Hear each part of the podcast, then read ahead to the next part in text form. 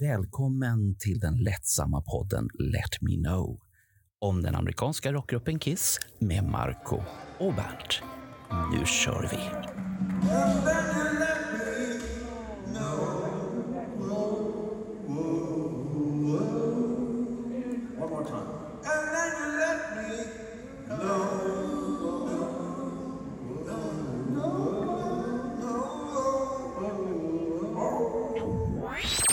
Annars brukar man ju alltid prata om vad man äter till frukost. Men här i podden Let Me Know så pratar vi inte frukost. Jo, det ska vara äggröra i så fall, för det är alltid gott.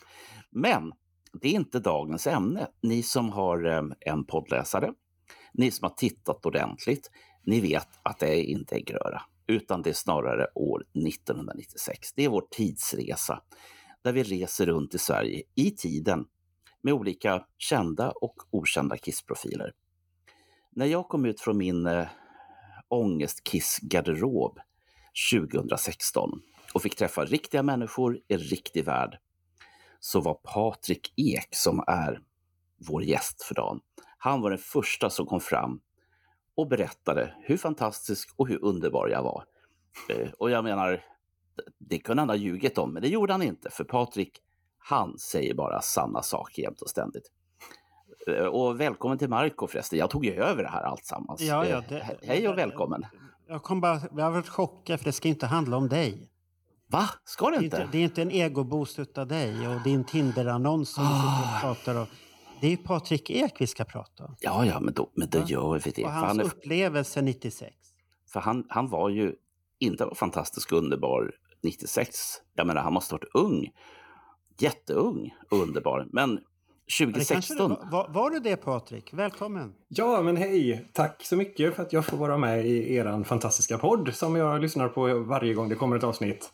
Ja, tack. Eh, ja, absolut. Det är, det är värt Fa- att Fast hyllas. ska vara att du har kritiserat att det kommer för mycket avsnitt.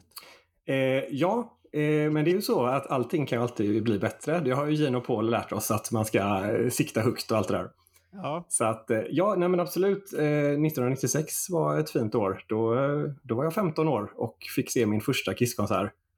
Eh, och det har ju eh, format mig till den jag är idag. Eh, det och eh, att jag såg Maiden 93. Det är ju så här milstolpar i livet. Jaha, Helt vad, klart. Vad såg du Maiden någonstans 93 då? Eh, det var på Skandinavium också i Göteborg. Så att eh, min eh, 11 år äldre kusin Lars Krok, han var snäll och tog med mig på Maiden 93. Och sen eh, var även han som tog med mig på Kiss 96. Vi- Vilket band var det som stod på scen 93? Var, var det Bruce Dickinson fortfarande? Ja, exakt. Det var sista turnén Ah, med sista Bruce turnén. innan han hoppade Ah, okej. av eh, och körde solo. Så att Ah, eh, då trodde man ju att det var slutet också innan han sen kom tillbaka. Så att eh, det var ju coolt eh, och lite sorgligt också. Va, va, va, nu, det här är en helt offside. men, va, var du och tittade på det här andra Iron Maiden som fanns där ett tag? Eh, med Blaze Bailey på sång. Ja. Nej, jag var tyvärr inte det. Jag ville gärna se dem 95 när de spelade på kåren i Göteborg, men det var tyvärr åldersgräns då. Eh, så att jag fick inte komma in. Jaha. Eh, eller så jag provade inte ens att komma in, utan jag bara... Eh, Jag var så här laglydig som Bernt har pratat om i tidigare avsnitt, att man, man eh, respekterade regler och, och så vidare och så. Ja, det är Eh, det. ja. Nej, Så jag, att, jag, eh, jag, ja. jag, jag såg en video här för ett tag sedan med honom Mm. från den perioden. ja, just det. Eh, han sjunger ju bra, men han passar ju inte in i bandet. Jag hade velat se den här idén som Steve Harris och company hade fått, att de skulle ha med honom. Hur såg den mindbombingen ut? Ja, det har jag också funderat det. lite på. Men det, och jag har diskuterat det med många Maiden-fans också. Ja. Jag, vi har väl kommit fram lite till flera av mina vänner i alla fall. Att jag tror det var att Steve Harris, han, han tänkte nog så här att det är ingen idé att försöka hitta en sångare som låter snarlik som Bruce Dick- Dickinson, för då kommer det ändå jämföras med det. Eh, nu gjorde ju Judas Priest exakt så när de tog in Ripper Owens, eh, som i och för sig gjorde det jättebra, men det, det blir ju lite tributbandskänsla över det om du hittar en sångare som försöker sjunga som Bruce Dickinson. Så att min teori kring det är att de tog in Blaze Bailey för att det skulle låta på ett helt annat sätt. Och det blev ju en annan typ av låtar de gjorde runt den tiden också, lite mörkare och lite tyngre. Så att eh, jag gillar den tiden. Jag tycker X-Factor är en jättebra skiva. Sen har jag jättesvårt för Virtual Eleven, framförallt för att de valde att sjunga refrängerna om och om och om igen på typ Ja, alla låtar. Så jag, den, den har jag lite svårt för den skivan faktiskt. Men eh, X-Factor tycker jag är riktigt bra. Så Ja. att, Vi- Vilken av de två är det som har så jävla fult omslag?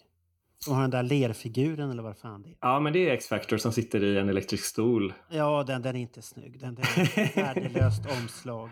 Nej, han hade ju slutat att att måla åt dem där, Derek Riggs.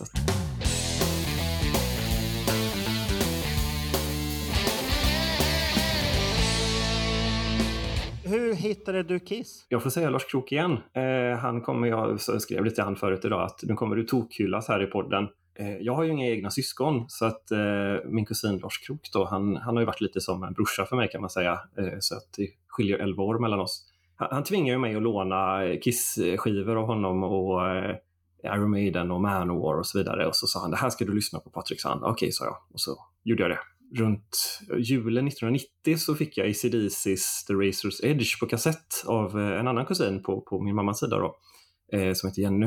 Eh, så att jag började liksom lyssna på hårdrock där runt den tiden, runt 90-91 där någonting.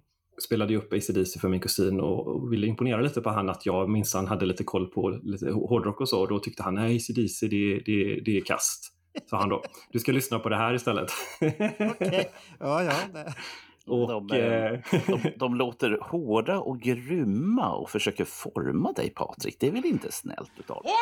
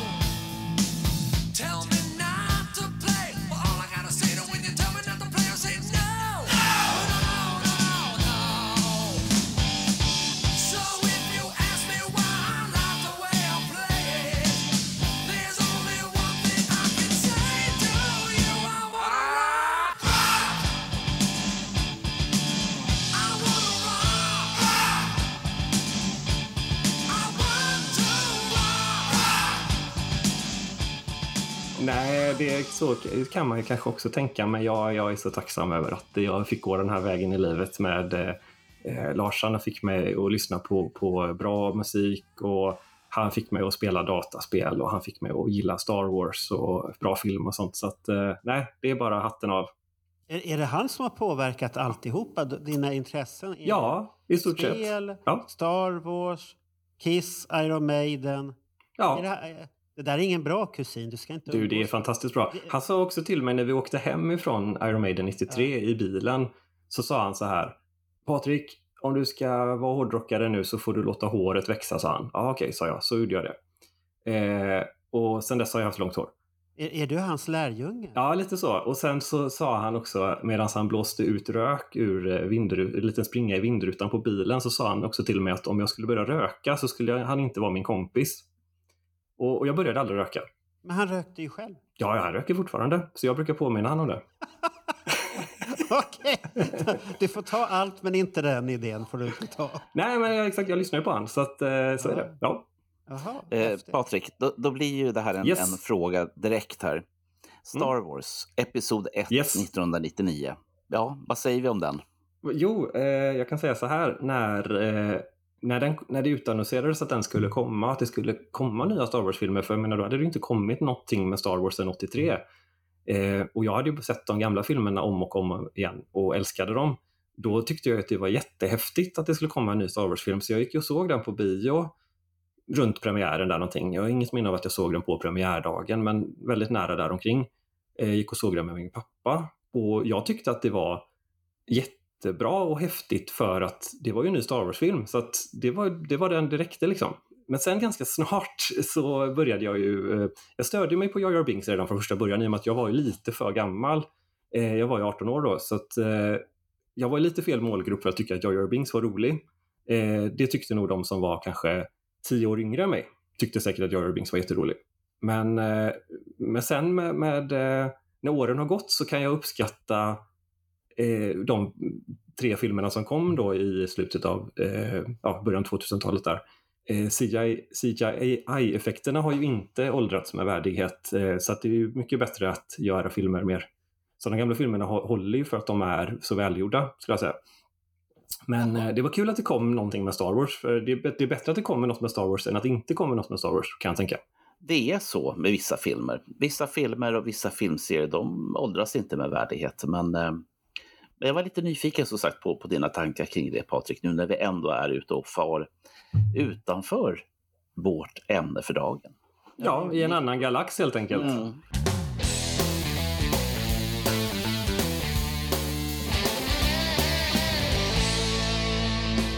Men det är ju faktiskt också, har jag märkt, det är ju oerhört många eh, Kiss-fans som även är just Star Wars-fans. Har ni tänkt på det? Jo, det, det kan jag hålla med om. Men kan det vara att vi tycker om väldigt mycket show? Ja, att Det kan nog vara det. Du kan hitta samma personer på W.A.S.P-konserter, konstigt nog. Jag vet inte varför. Vi hittar, vi hittar oss på Motley Crue, Iron Maiden, Rammstein är det många som har hittat också. Mm. Så att vi är på de här extravaganta och det ska hända saker. Då, då ser, hittar du alltid någon Kiss-fan där som står som man känner. Jaha, är du här också? Ja, exakt. Men, men det lustiga är att det är inte tvärsom. Eh, kommunstyrelsens ordförande i, eh, i Nynäshamn, han är stor Star Wars-fantast. Eh, Ja. han är, men han är inte lika stor Kiss-fantast. ja, okej. Men Hur du kanske ska spe, visa Kiss meets the Phantom of the Park. för honom. Ja, just det. Så han får se effekterna. Ja, ja, ja. ja. Där, har, där har du lösningen som öppnar Exakt. Du får, du får ju sälja in det här nu på ett bra sätt, Bernt. Ja, ja, men jag ska ju faktiskt upp i kommunfullmäktige här nu nästa torsdag och prata om eh, i och för sig utförsäljning av allmännyttan och sånt där pyssel. Men jag kanske skulle kunna slänga in till kommunstyrelsens ordförande att du hade nog haft bättre tankar om världen om du hade tittat på Kisskonserter. Ja, Ja, okej. Vi- Nu, nu återgår vi till 96 här och Göteborg. Hur, hur var vägen till konserten? Ja, det var ju så att det hade ju börjat att byggas upp ett stort kissintresse runt 92, skulle jag säga. Eh, om vi börjar där så får ni den, den hela vägen. Ja. Eh, så hårdrocken hade ju kommit in i mitt liv och eh, min kusin hade, Lars då hade lånat ut eh, skivor till mig och så vidare. Och jag hade börjat verkligen att lyssna på hårdrock och, och sett Maiden. Jag såg ju Maiden 93 då, så att det där är ju verkligen startskottet för mitt hårdrocksintresse. Men redan 92 så minns jag att jag såg eh, God gave rock and roll to you eh, videon på M- MTV.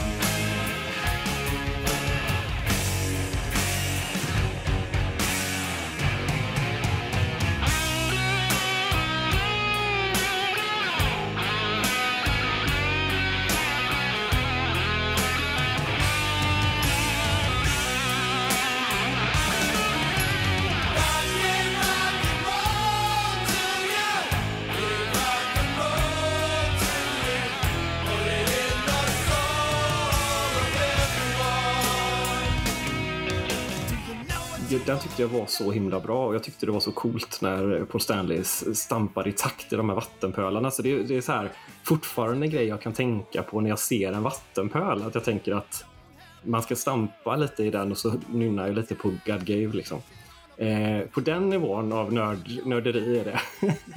Vad, vad var det som triggade i hjärnan då? Att det ja, det, stampet och ja, effekterna ja, det var, var coolt på något sätt. Så här. Och sen, tilltalade dig? Ja, det, jag, tyck, jag gillade det jättemycket. Och sen, sen var det ju också eh, de här eh, klippen ifrån, eh, 70, från 70-talet och sminkperioden som var inklippta i den här musikvideon som jag tyckte var coolt. För att jag, jag hade ju alltid förstått att Kiss hade haft smink en gång i tiden. För att eh, min kusin Lars då, han hade ju Kiss-affischer uppsatta i sitt rum med eh, ifrån eh, ja, poster och, och så vidare. Men, men jag hade aldrig riktigt liksom fattat 70-tals-Kiss ännu då, utan det, det kom där omkring eh, för sen släppte ju Kiss eh, den här eh, Confidential-videon där det var en hel del gamla liveklipp och så vidare. Ah, den där godbiten. ja, och då, och då hade jag ju jag hade fått Revenge-skivan på CD där på julen 92. Eh, sen släppte de ju Alive 3. Eh, jag hittade till Melody Line i Göteborg och köpte då Confidential på VHS. Hittade den här lådan de hade under disken med bootlegs. Eh, och köpte Tokyo 77, Detroit 76, Houston 77 och så vidare med så här usel bild på någon så här kan det varit femte generationen VHS eller något sånt där. Eh, så att det byggdes upp en sån jätteintresse där runt, alltså från kanske 92-93 eh, fram till 96. Eh, gick med i Kiss Army International, började få eh, Strike-tidningen, eh, köpte VHS från Nico i Italien, skrev frågor till eh, Niklas Olsson och Rickard Göransson, frågade så här, innan internet så fick man göra det. Fick jag fråga så här, vilken var den första låten som Ace skrev till Kiss och så väntade man några veckor och så fick man det på, på något brev så här att det var Cold Gin då så tyckte man det var coolt.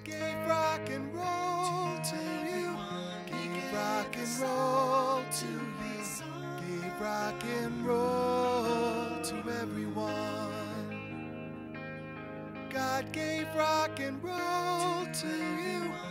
Gave rock and roll to you. Say rock and roll for everyone. Say rock and roll.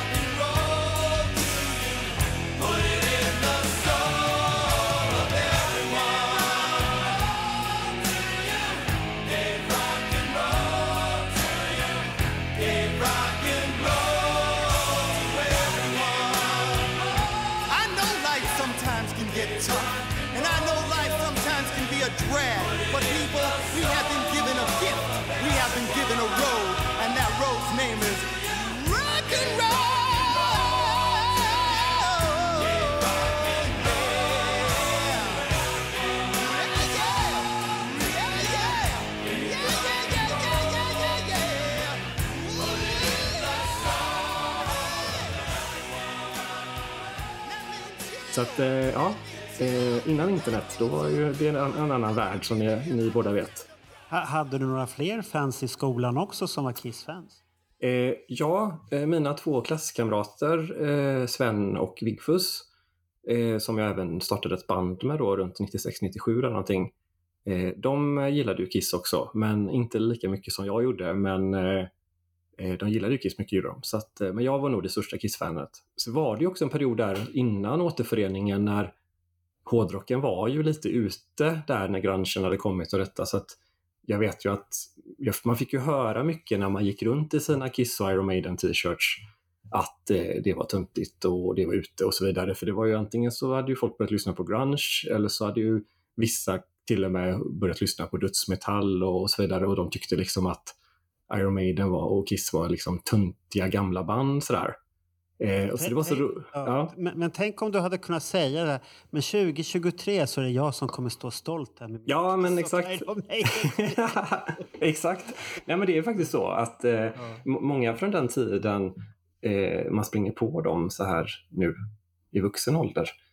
Ja, att de, de eh, kanske själva går och ser Iron Maiden nu, eller Kiss. Så att det, det, det har ju verkligen blivit annorlunda. Men, men, eh, så det var ju så kul där då att det byggdes ju upp en sån himla liksom, stor förväntan och man började lära sig så mycket om Kiss i och med att man läste eh, Strike-tidningarna som kom och Eh, sen när Kiss var med på MTV Unplugged så var det ju, det är fortfarande sånt här minne jag har att jag, jag, ja, jag, jag, tårarna, jag kunde inte hålla tillbaka tårarna när Ace och Peter kom upp på scen. På, det var den här korta sändningen, MTV så- sände ju någon nedkortad version på, på tv. Så att jag, jag minns så väl att jag satt i mina föräldrars eh, gillestuga och, och tittade på den här på MTV just när de säger det här liksom att eh, We got some members of the family here tonight. special. We got some um, we got some members of the family here tonight. And we're not talking about mom and dad. We're talking about Peter, Chris, and Ace Frehley.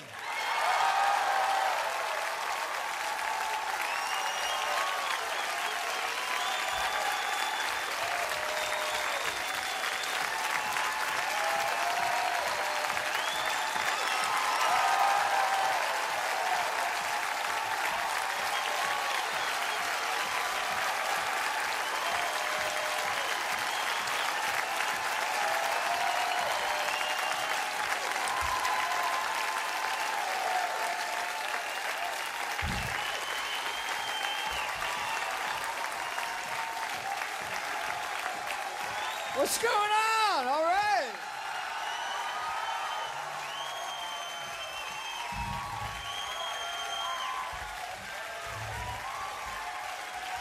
I don't think anybody expected this, did they? Oh, it's a secret. What should we play?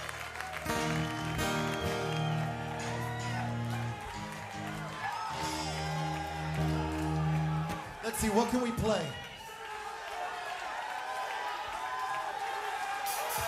How about something from uh, a couple of old friends of mine, Mick Jagger and Keith Richards?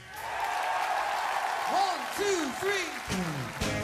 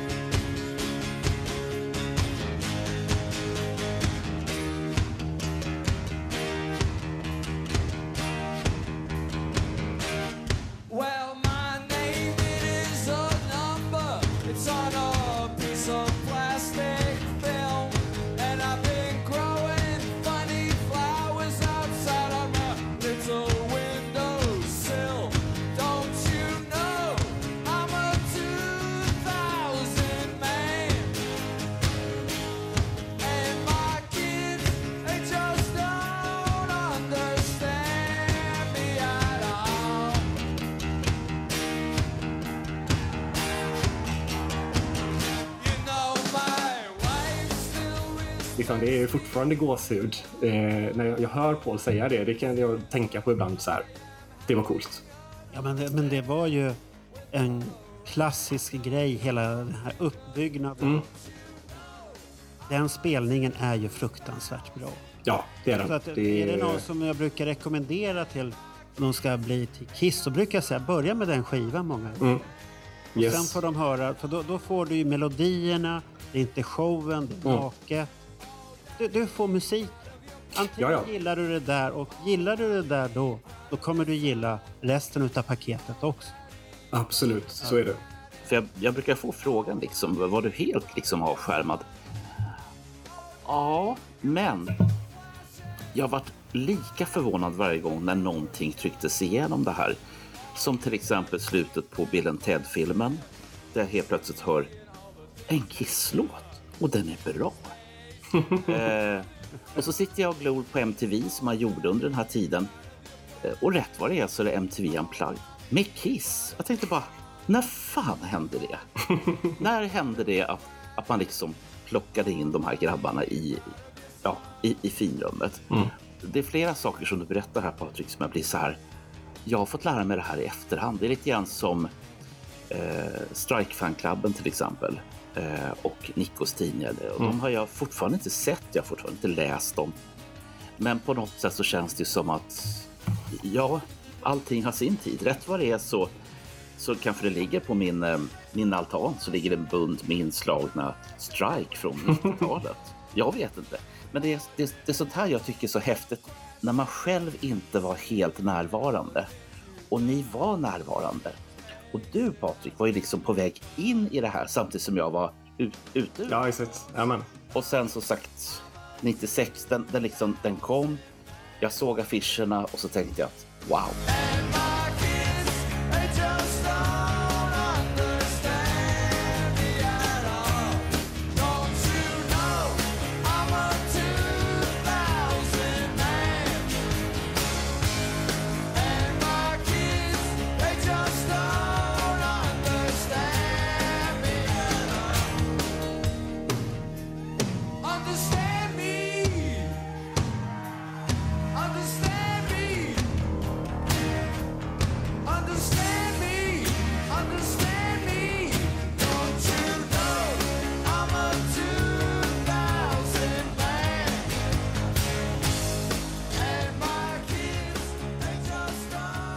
En, en sak, såg du det komma det här äh, att de skulle återförenas? Nej, faktiskt inte. Någon av er? Inte Patrik heller? Eh, nej, alltså då när de gjorde MTV Unplugged och bjöd in Ace och Peter så eh, tyck, alltså jag, jag, tror, jag har inget minne av att jag tänkte just då att oj, undrar om de ska eh, ta på sig sminket igen och börja köra med Ace och Peter. Det tänkte jag inte då. Men sen kändes det som att den här presskonferensen på eh, USS Intrepid, eh, den här flyg, eh, och det, You'll like this. Uh, Kiss. Kiss commandeered, yeah. The aircraft carrier Intrepid in the port of New York City on Tuesday to announce the regrouping of the band, the band's original lineup on a tour in full 70s regalia. You know what that means. Take a look. the Hell Bubbles Over tour. We're going to show every new band how the big boys do it. Yes, Kiss is back and in full effect. The four original members had not performed live together from November 1979 until August 1995, when MTV's Unplugged reunited classic Kiss after 16 years of separation. That performance was the spark that lit the fire for the new Kiss tour, announced Tuesday in New York City aboard the USS Intrepid. We had a great time doing Unplugged, and that really was the seed that got this whole thing going. We're committed to this for a year, two years, whatever it takes. We're going to bring the entire show and just blow the place apart. Yes. While many things have changed for Kiss over the years, others have stayed the same. They're still sporting their superhero famous duds. That's me in 1977. This is me in 1996. They haven't traded their heels for flats, Once you walk eight inches above the ground, it's it, it almost becomes second nature. and with a fresh coat of face paint, they're once again ready to take this world by storm. This show, besides the drums going up, all the signature things, Gene flying, me breaking the guitars and doing the splits, Ace doing the smoking guitars, all that stuff. We're going to do the longest show we've ever done. It's going to be bombastic. it's awesome. Stone Temple Pilots, a band normally anything but pyrotechnic, will be the opening act on June 28th. Of course, there was that one time in 93 when STP relived childhood fantasies and performed in Kiss face paint. Kiss was one of those bands. It just uh, it, it sucked me up into it. I mean, I wasn't into the Kiss Army, but I sure as hell thought I was Gene Simmons. You know. It is the uh, biggest honor to have anybody who's credible in and of themselves, who writes their own tunes, has their own vibe, does their own stuff, to to point to us, and uh, or much less give us the time of day is the highest honor, and we don't take any of it lightly. Kiss may have a current band as their opening act to appeal to a younger audience, but don't expect to hear any of their newer Kiss songs. We just looked at an old song list that we did at a club many, many years ago, and we're doing almost the same songs from the song list we did back, what, 73, 74, way back there. No, we're doing the Kiss Ironically, I've been song. spending the last four weeks uh, memorizing my old guitar solos that I wrote 15 years ago. The original members of Kiss may not have performed together in 17 years, but they still remember the good old days, and they're ready to make an impression on a whole new generation. The cool thing about Kiss is that it really brands like an indelible mark in people's minds. So you remember your first Kiss concert like you remember the first time you had sex. We're going to have a good time on stage and off. We do plan to do shows on stage. We will do the encores encores. back at the hotel. The Kiss traveling theme park of the 70s with Stone Temple Pilots opening up will be officially begin in Detroit on June 28th, but it'll be preceded by a full dress warm up date on June 15th at the K Rock Weenie Roast in Los Angeles, where the band will be joined by Red Hot Chili Peppers and Everclear. Take it you were never a member of the Kiss Army? Take it any way you want. Whatever. Who knows? Well, that's it for this edition of the Week in Rock. Ja, för sen hade de väl varit, det måste väl varit innan det de var på, eh, blev presenterade där också på den här eh, galan också, när han sa “We're gonna shock the people, let's shock the people”. So let's shock the people.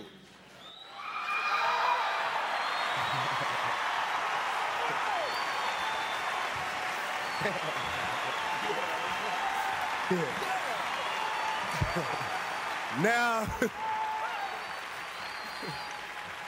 these my homeboys, and I seen just about everything now. Eh, det var ju också coolt. Det var klipp man såg på MTV och, och då började man ju förstå att oj, det här ska hända nu. Och, eh, för jag menar, det tog ju några månader mellan numren av Strike. Och internet hade jag nog, jag fick nog internet runt den här tiden har jag för mig. Runt 96 eller någonting. Så att eh, det var ju också, det öppnade också upp jättemycket att man började hänga på Kiss Asylum och sen hade ju, var det någon som hette Svante i Stockholm som hade Kiss Parasite som jag tyckte var en väldigt bra hemsida. Skrev en del med han och han eh, så att det, det blev ju liksom så här, det hände ju mycket där i ens liv och, och det var ju så kul att, att Kiss blev så stora helt plötsligt från att alla hade räknat ut dem till att de helt plötsligt var i alla tidningar och eh, det gjordes reportage och det var liksom coolt att lyssna på Kiss igen. Eh, för, jag minns så väl att jag gjorde så här, man var tvungen att sy något sånt här kuddfodral i syslöjden på högstadiet. Och då vet jag att jag, jag skrev eh, Kiss is best på det med så här. Och då vet jag min sy, då var det någon vikarie som var där i syslöjden, det minns jag också väldigt väl. Och hon, hon var väl kanske 10-15 år äldre än mig sånt där. Eh, hon, hon skrattade ju lite åt det och tyckte att gillar du de gamla gubbarna, liksom, finns de fortfarande? Ja. Och, så här. och så dröjde det kanske bara ett halvår eller år liksom, till att de sålde slut alla spelningarna på nolltid och var liksom världens hetaste band igen. Det, 90, 95 där, var du på Kiss Expo till Stockholm? Nej, jag var tyvärr inte det. Du var aldrig det? Nej, jag var ju bara 14 år då så att eh, det, och i och med att jag är uppväxt här i Floda, eller ja. Stenkullen då och bor i Floda nu utanför Göteborg så, så åkte man inte till Stockholm på sådana saker när man var 14. Eh, så att, det, det, eh, var, det var ju en jättestor eh, Kiss-event som Mm. Johan Kihlberg gjorde. Och okej, coolt. Man var med där och vi gjorde, ju- började ju med Destroyer i samma veva. Mm. Hade vi connectat där innan då allt det här för att skapa numret som kom Mm. i början av 96. Men det var ju det här året då som vi hade boken Kiss Story och allt det här. Ja, just det. alla Ja, den är ju, var ju också ett, Ja. finns ju också ett minne om. Ja, ja, så alla fans man Ja. träffade det, som jag vet efteråt, vissa kände inte jag då precis, som Tony Rosenholm, du har eh, Jonny Fredriksson, Niklas Olsson. Mm. Men alla de personerna har jag träffat där. Mm. Det, det är det som är så, man har gått där, vi har pratat, men jag visste inte då vad de skulle betyda i ens liv efteråt. Sen att Mm, de skulle mm. påverka på ett helt annat sätt.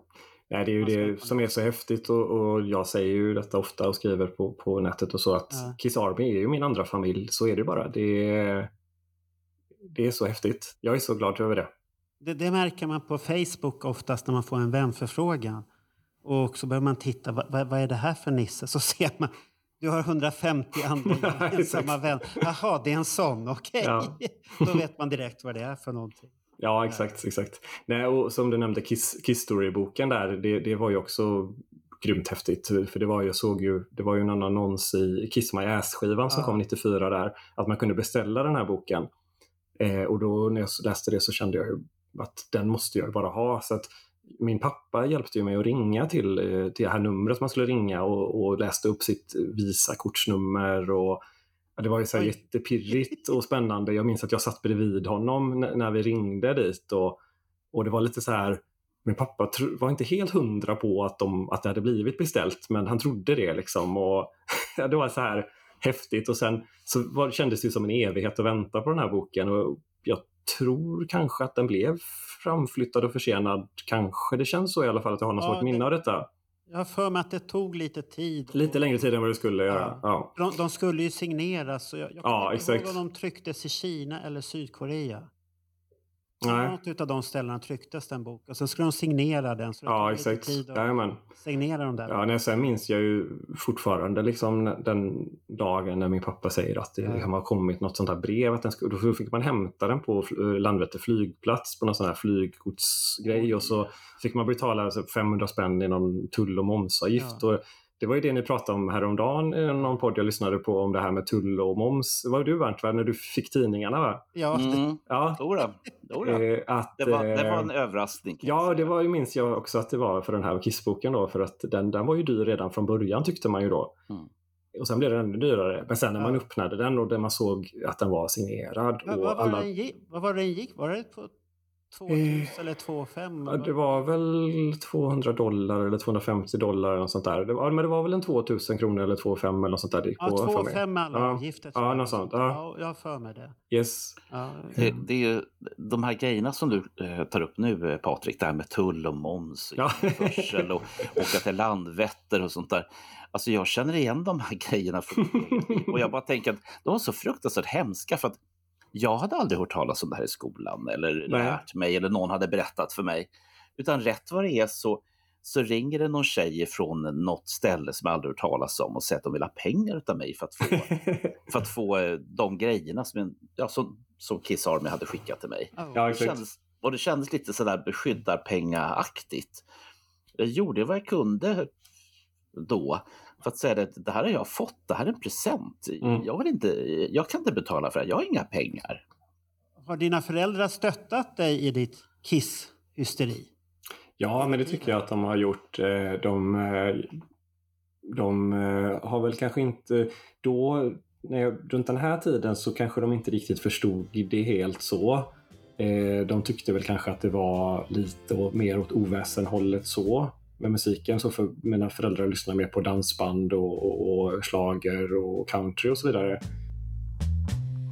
Tonight, I'm gonna give it all to you. In the darkness, there's so much I wanna do. And tonight, I'm gonna lay it at your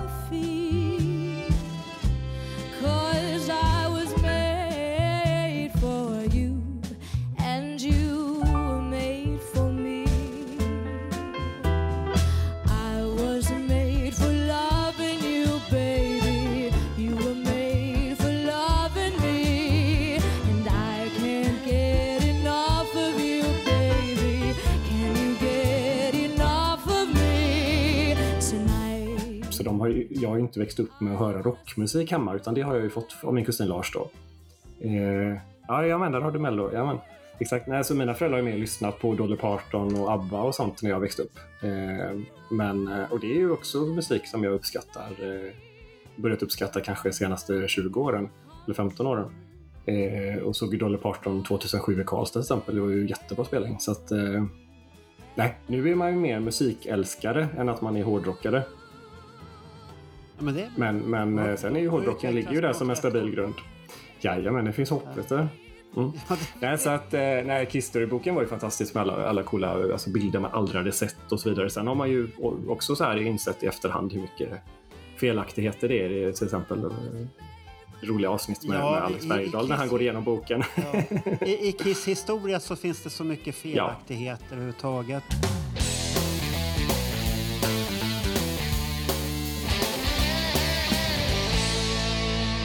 Minns inte exakt hur jag fick veta att de skulle spela, men på något sätt fick man ju veta det om det var någon annons i någon tidning eller att man såg reklam. På något sätt fick jag ju såklart veta att de skulle spela, men jag har faktiskt inget minne av, av exakt hur. Då vet jag att jag pratade jag med min kusin Lars då att det här måste vi ju gå på, alltså vi måste se Kiss och det, det höll han också med om. För att Lars var lite ledsen fortfarande för att han hade ju missat Kiss 1980 med några minuter tydligen för att hans eh, hans barndomsvän och som bodde granne med han skulle gå på Kiss. Och då hade hans, hans pappa, alltså barndomsvännens pappa, hade ringt hem till dem och frågat om, om Lars skulle med på Kiss, har jag för mig att historien är. Och då, hade, då skulle de precis åka iväg med sin bil, så då hade Lars pappa svarat lite surt sådär att nej, det ska han inte. Eller något liknande. Och så hade han inte, har de inte köpt biljetter till Lars. Så han var ju liksom så här jätteledsen för det, vad jag har förstått, att han missade Kiss 1980. Sen då när, eh, när de skulle återförenas nu då så, så kände ju även Lars då att han måste ju se Kiss i smink och med originalmedlemmar och allting sånt där. Då, då bestämdes det ju att han skulle försöka fixa biljetter på något sätt, men vi fick inte tag på biljetter där, då när de släpptes, för de tog ju slut väldigt snabbt. Så att jag minns att jag fick veta att vi inte hade fått tag på biljetter, så jag var ju jätteledsen över det och tyckte att oj, liksom, det var ju synd. Eh, men sen ringde hans mamma till någon hon kände på något sätt som jobbade inom konserter eller liknande. På något sätt, konstigt sätt fick vi i alla fall tag på fyra biljetter. Så att eh, då gick jag och min kusin Lars och hans kompis eh, Patrik Edvardsson och min barndomsvän eh, Vigfus Valgersson, eh, islänning, eh, som hade börjat i min klass i, i högstadiet, upptäckte att vi gillade hårdrock båda två. Då, så, att, eh, så det var vi fyra som skulle gå på konserten och hade sittplatser eh, tillsammans. Då. Eh, så vi satt på Ace sida eh, på, på eh, läktaren där ganska nära scenen på, på sidan. När vi skulle åka in till spelningen så, så åkte vi eh, jag tror att vi åkte bil in, men jag är inte säker. Eh, jag minns i alla fall att vi, vi var på vi åkte och hade, var på förfest hemma hos eh, min kusins eh, barndomsvän då, eh, Mattias Ia Eklund som är känd musiker från Free Kitchen och så här megagrym gitarrist och grejer. Och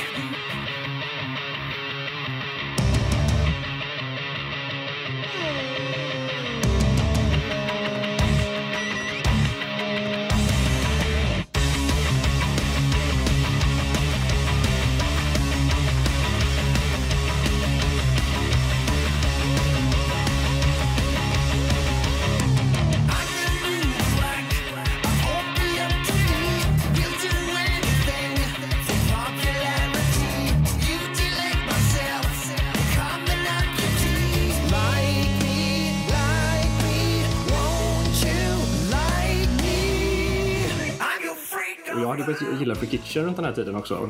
Då. Och återigen på grund av Lars då, han sa till mig, lyssna på det här, det här är min gamla kompis som spelar gitarr och sjunger. Eh, så att jag och Vigfus hade börjat gilla Free Kitchen.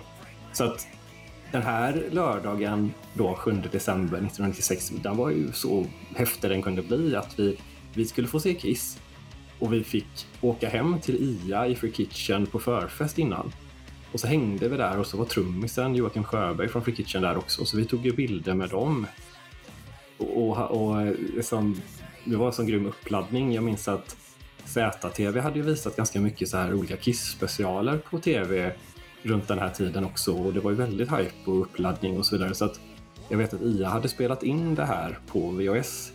Så det var ju på, på repeat i vardagsrummet där och massa folk och, och fest och grejer liksom. Så att, ja, det, var, det var en sjukt eh, cool uppladdning att hänga liksom med de här eh, andra musikerna då som man tyckte var coola också.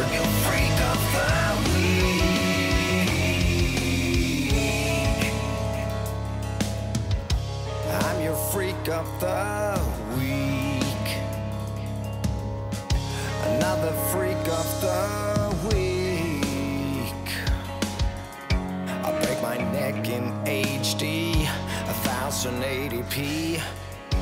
I'm the freak of the.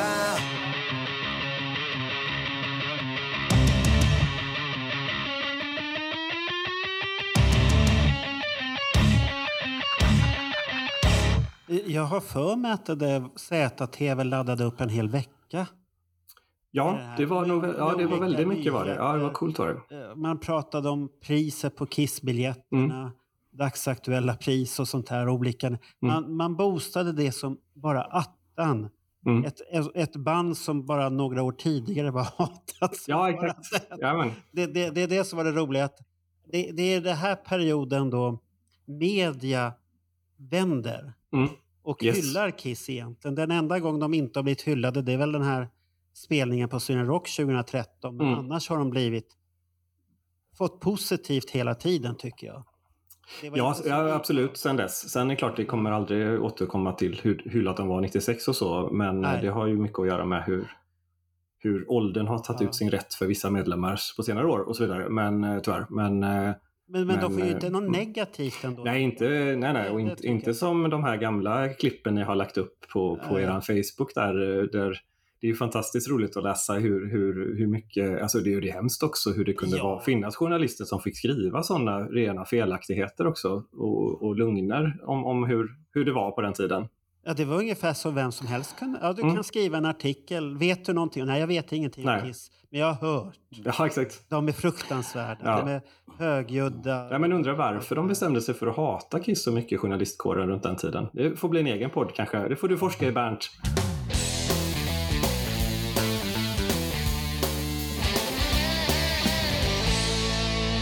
Är lite osäker på om jag köpte turnéprogrammet på plats eller om jag köpte det i efterhand. Det, jag har tänkt på det nu i flera dagar eh, efter jag fick veta att jag fick vara med i er fina podd. Ja. Eh, men jag har ju det här turnéprogrammet ja, det är originalet. Ja, men jag minns inte om jag köpte det i Skandinavium eller om jag köpte det i efterhand. Eh, det minns jag inte. Det här, det här vet jag att jag har köpt i efterhand, för det kom väl... Ja, det är fult som fan. Sen, nu ser inte lyssnarna vad vi håller upp här, men det är ju turnéprogrammen från Alive Worldwide 96-97. Men, men, men den svarta där, Mm. har du polerat omslaget på den? Den var så Mm. jävla fint skick den där. Jo, men jag, jag är ganska rädd om mina saker. ju, den där kan, måste du ha köpt i efterhand. Du kan inte ha köpt den på konserten. Den, den ser ju jättestyv och hård ut den där. Inte böjd huvudet. Nu kan det missuppfattas lite, eh, Marco, när du säger så, men okej. Nej, nej, men det är ja, turnéboken. Turnéboken. turnéboken. Nu är du inne på Bernts eh, 4K sovrumssändning igen. Ja, men den, den är ju inte böjd överhuvudtaget, för den borde ha blivit att du hade... Ja, man tycker ju det. Fast å andra sidan, om jag nu åkte bil... Ja, jag minns inte. Men jag, Nej, men jag har det- det det turnéprogrammet i måste alla fall. Men det silvriga här i alla fall, det, det måste ju ha släppts. Det, är väl den, det silvriga programmet är väl ett som kom 97, senare, va? Ja, Ja. Det vet, jag att, ja, det vet jag att jag köpte i någon sån här tidningsbutik i Göteborg. Som hade någon sån här pressstopp eller något sånt, jag tror den hette. Som hade jättemycket coola så här, utländska tidningar och sånt. Men, men Eh, är den där då... För det finns flera olika varianter utav den från 97. den, den svarta? Nej, den från 97. Ja, just det. Den silvriga. Ja, yes. Ja, utan de där fula jävla blaffarna där uppe. Mm. Jag har för mig att det finns en... Jaha, okej. Ja, för denna har ju någon, någon eh, affisch i sig. Ja, ja. Men affischen är ju från 98. Ja, men då, då är det någon specialare där. Ja. Det är någon specialare. Så du får, du får jaga rätt på det rätta 97 sen. Ja, jag var ju tyvärr inte på Kiss 97 så att... Eh, Nej, men det är ju en då- då- annan podd kanske. vits. Då finns det ingen Nej, lite så är det väl. Så att, eh, nej, eh, sen... Eh, jag, tror, jag, som sagt, jag minns inte om jag köpte turnéprogrammet på plats eller om jag fått tag på det i efterhand faktiskt. Men eh, t-shirten som jag har på mig idag. Eh, Ja, den, den det är ju- känner jag igen. Ja, det är ju det här, den, det är väl den bilden de använde till You Want It The Best-skivan va? Mm. Jodå, det är det. Eh, och så står det ju eh, I Want It The Best, I Got Ja, The Best det. på ryggen. Eh, den tröjan och den här eh, coola Kiss-tröjan med de har en, en väldigt mycket eld i bakgrunden och så är det en bild, en ny- nytagen bild på dem eh, i smink. Eh, de två t-shirtsen köpte jag ifrån eh, David Snowden som sålde massa merch ifrån USA. Aha. Eh, innan Kisskonserten hade jag beställt de här tröjorna från honom. Och det var också ett äventyr att då innan internet och innan man fattade att man kunde, hur man köpte grejer från andra sidan Atlanten. eh, så det var ju skitcoolt att, eh, eh, att de, de hann komma i tid de här t-shirtsen. Så att eh, jag hade på mig den här tröjan på Kisskonserten eh, som jag har på mig idag. Det roliga är att det är st- storlek XL. Jag undrar lite hur jag tänkte när jag var 15 år och köpte en tröja i XL. För den är fortfarande för stor för mig. Eh, men det var ju så på den tiden. Det kanske inte fanns mindre storlekar heller. Det är en snygg tröja. Ja, jag gillar designen gör jag. Så att, eh, däremot så eh, är jag på jakt efter den här. Eh, de tryckte väl upp någon eh, unik tröja med I was there på ryggen, Gothenburg. En sån t-shirt ångrar jag att jag inte köpte. Och, så den, är det någon lyssnare som vill sälja en sån så hör av er. Vad var det för tryck på den på framsidan då? Jag tror att det var den här bilden som är från eh, presskonferensen eller när de kom ut på den här galan. Jaha, Eh, när det är, det är loggan någon, och så så, massor ja, lite sul, Okej. ja, jag tror att det är den på framsidan. Tror jag. Ah. Men Den jag kan minnas fel. Ja, och så står det I was there på ryggen och så står det Ah. Gothenburg 1996 eh, Ah, okej. på ryggen. Den hade varit coolt att ha faktiskt eftersom det var min första Kisskonsert. Men jag är ju nöjd att jag har fått tag på turnéaffischen. Eh, så den hänger ju på min vägg här och, och så vidare. Så att, eh, ja. Eh, Nej, så det var så roligt att jag fick de här t-shirtsen, att de hann komma i tid. eh, För jag måste ju ha beställt dem i början av 96 där någon gång då. Eh, Ja, när för turnén det har börjat säkert, och- Ja, exakt. När jag började i USA på Ja, sommaren. det, va? det, det, det, det är sommaren du har, då har Ja. beställt det på sommaren i så Ja, och så kom de ju där på hösten någon gång. Så att jag vet att min kompis Vigfus då som gick med på konserten, han, fick ju, han hade ingen egen kiss så han fick ju låna den här med eld. eh, Det finns faktiskt en bild på det som eh, ni kan, jag kan skicka till er sen, Ja, där jag och Vigfus, eh, vi står utanför mina föräldrars eh, dörr och ska precis åka på Kisskonserten. Så har min, min pappa tagit en bild på oss. Eh, när vi står där och är finniga tonåringar. Det, det, det är Eh, po- pojkar, eh, David Snowden som, som ni hade uppe. Det är ju sånt där namn som dök upp i den här äh, ångestdimman som jag satt i. Eh, det finns en grej som han och jag har gemensamt och eh, det här får de som är nördiga googla på. Men han gjorde som jag, han sålde sin kissamling 86. Eh, varför han gjorde det, det vet jag inte. Jag vet varför jag gjorde det. Men eh, eh har ni någon minnen av Snowden? Vad han egentligen, hur han eh, var ihopkopplad med, med Kiss? För jag minns bara det här ihop med eh, merch på något sätt. Ja, jag är ju vän med han på Facebook så att jag har tackat han eh, nu i, i senaste åren här och, och skrivit till honom att vad häftigt det var att få hans eh, merchkatalog hemskickad. Och, nej, men han, han har väl jobbat med såna här, om jag har förstått det rätt, eh, produktions, alltså såna här merchbolag och inom musikvärlden och jag för mig att han skrev någon gång till mig att han, hade liksom, han var polare med White Lion och att han har varit inom musikvärlden under många år och gjort olika saker och, och varit lite, ja men gjort merch och jobbat liksom inom produktionen på något sätt har jag fattat det som. Men jag har inte liksom satt mig in i, i vem han är jättemycket så mer än Nej. att jag, han, han betyder mycket för att jag fick tag på de här tröjorna, att, att han sålde merch. Liksom, så att, Jo, men att- jag, jag, jag träffade ju honom 2018 Mhm. på Indie-expot där. Det kommer Mm. jag ihåg. Jättetrevlig. Vi stod och Mm. pratade för han var ju så lycklig för att han hade varit, var, var med i Destroyer. Vad var det? Bilder från Lick It Up-turnén på Vinnie Vincent. ja, okej, coolt.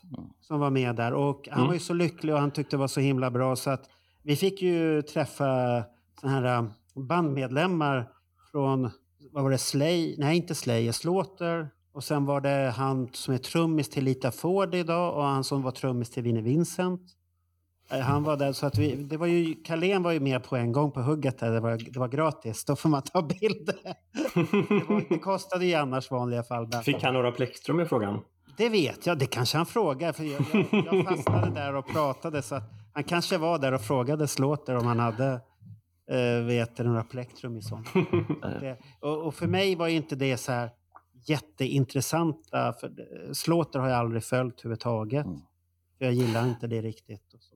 Men Varför jag också tog upp det här med David Snowden, det var att han sålde ju merch under en tid då jag skulle vilja säga att Kiss var inte speciellt på att sälja själva. För jag menar, de var ju jättestora både på 70 och 80-talet och sålde grejer. Och sen även efter återföreningen när Kiss Online ja, byggdes upp.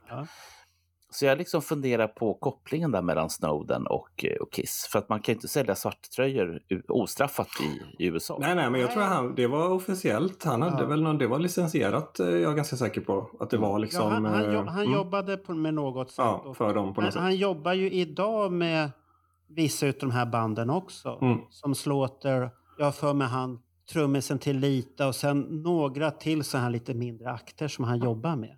Mm. Jag vet inte hur han hjälper dem, men på något sätt jobbar han med det. Jo, sen är det väl han också, att det var så också att han hjälpte Lydia Chris också med hennes bok. Ja, det kanske han har gjort. Det, det jag foto, att han, att han kan liksom Photoshop och foto, retouch och sånt där. Att, för han lägger ju upp sådana bilder ibland där han visar före och efter och så på bilder han har fixat till och så här. Så att han, han, är väl en sån lite ja, men lite som dig Marco, så här att han kan sådana där grejer och gillar Kiss och så hamnar man på ett bananskal in på lite och hjälper till med lite grejer. Typ så har jag fattat det som. Fast han är amerikan. Ja, fast han är amerikan. fast han varit imponerad lite utav Destroyer där när han fick se det och att jag hade jobbat ännu mer med bilderna. Mm. Han varit lite förvånad. Så, vad, vad, vad fan, det här, så här såg ju inte bilden ut. Nej. Nej, men så här ville jag att bilden skulle se ut. För att framhäva vissa grejer. Alltså, Ja, att det var läckert. Han, han var Mm. jätteimponerad Ja. utav tidningen. Nej, men han verkar väldigt trevlig. Så, att, eh, nej, så det var grymt kul att eh, man, man fick tag på merch. Då. Det måste ju varit någon annons här, i typ Strike eller liknande. Så jag Ja, fick troligtvis nu som han. Ja, ja. För det där Yes. fanns det ju mycket annonser i Mm. den tidningen. Och det var ju Bibeln en gång i tiden. Ja, ja, herregud. Det var så härligt 2018 när jag fick träffa Nico Cicarone första gången Ja. och tacka honom för det här. Liksom. Men han bara skrattade med sitt sånt där stora leende som han nästan alltid har på alla bilder. Ja, jätte, Eh, en jätteglad prins. Ja, ja verkligen. Så att jag hoppas att han förstod att jag verkligen menar att det var eh, en viktig eh, pusselbit i min uppväxt. Men eh, han kanske hör det av alla Kiss-fans. så han- Jag, jag, all, jag har aldrig fått så mycket hyllningar som utav honom. Nej. För eh, tidningen, för att han själv jobbar med Ja. och sånt här och säger så här, jag är inte på den nivån. Men fruktansvärt mycket hyllningar utav Mm. honom. Och, men han, är, han har blivit, han är idag vad jag vet så håller han på med bröllopsfotografering har jag sett. Och sen jobbar han väl med något Kiss, eh, eget Ja, det Kiss-projekt nu också något tror jag. Kiss-projekt, Mm. Mm, det blir mitt spännande. med Kiss eller Mm. något sånt där. Jag misstänker att det är Ja, han har ju tagit som- många fina bilder så det Ja, kommer det bli nice.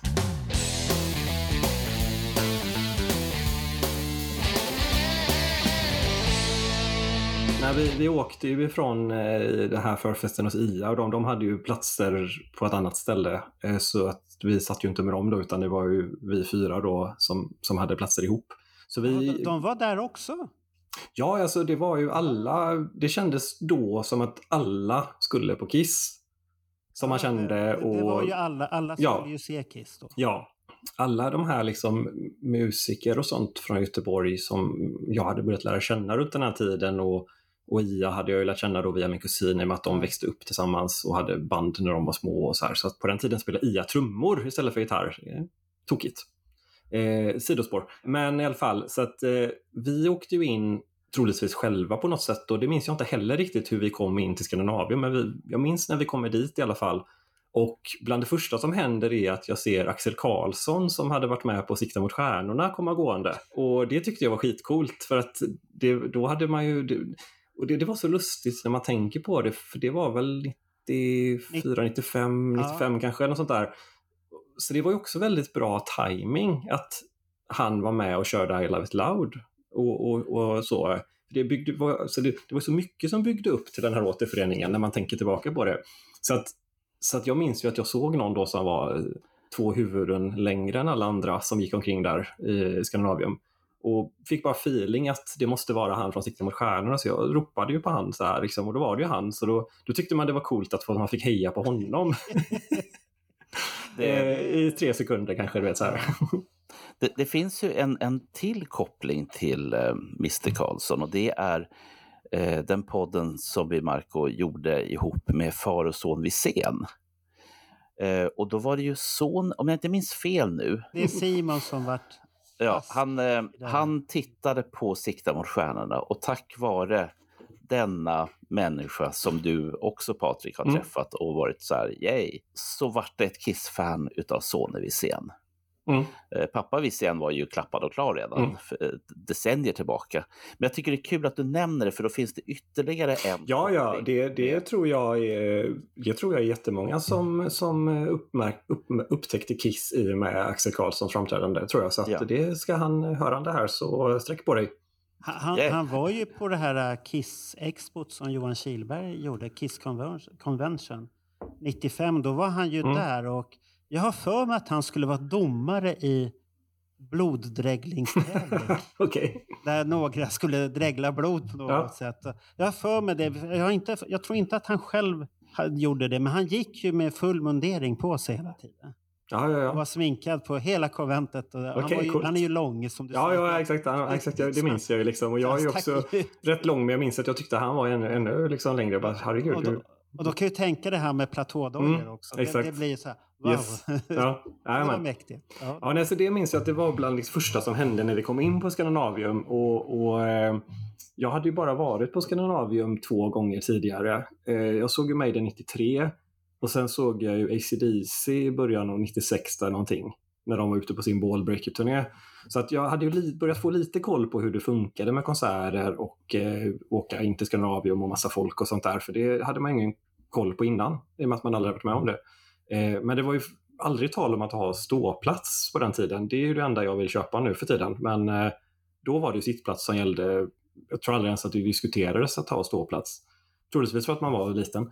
Sen minns jag också att vi gick till någon, någon, någon, någon form av bar på Skandinavium och eh, för min, min kusin och, och hans kompis Patrik då, eller Putte som han kallas, eh, skulle väl ta någon öl antar jag och så. Och det skulle inte vi då, men vi fick sitta med där och kolla på när de drack öl. Då minns jag att de spelade Kiss-musik i den här baren och då sjöng jag med i en massa låtar och då minns jag att det var någon som jag på den tiden tyckte var svingammal, men han kanske var 40.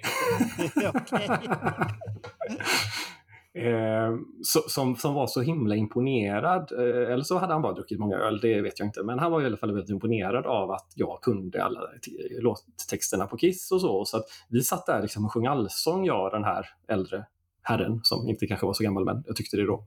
Eh, så att det var liksom, det byggdes upp ännu mer sådär, man kommer till Skandinavium, man, man ser Axel Karlsson och man sjunger allsång med någon gubbe i någon bar och, och så vidare. Och sen, sen går vi till våra platser då. Och när det här mullrande ljudet börjar låta och de börjar ropa ut You want it the best och det här, alltså det är... Eh, är det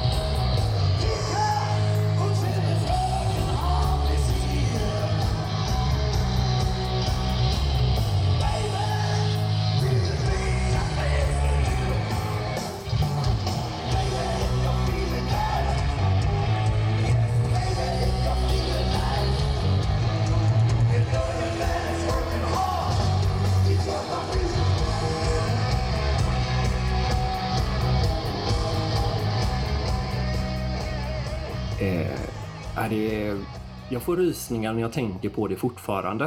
Eh, för det, det, det kändes så overkligt att Kiss är här nu. Jag kommer få se dem. Jag har ju tittat så himla mycket på sunkiga VHS-bootlegs laddat liksom från 92 till det här ögonblicket.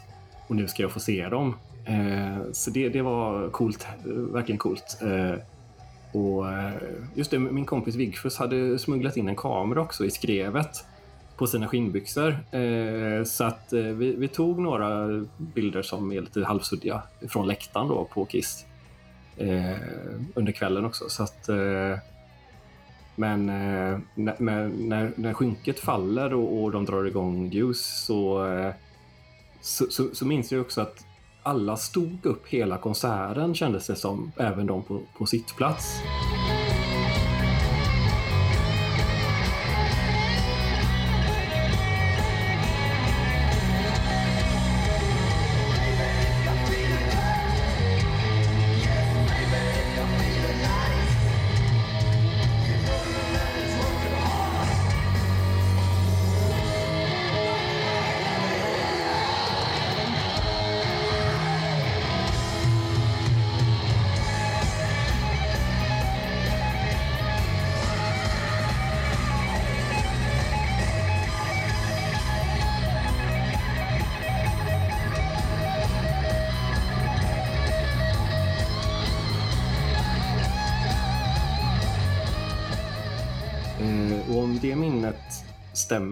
eller om det bara är en känsla jag har, det är svårt att säga. Men jag har aldrig varit med om det på någon annan konsert sen de gångerna jag har haft sittplats att så många har stått upp och hoppat och klappat i takt som jag minns. Det är som att det var på Kiss 96.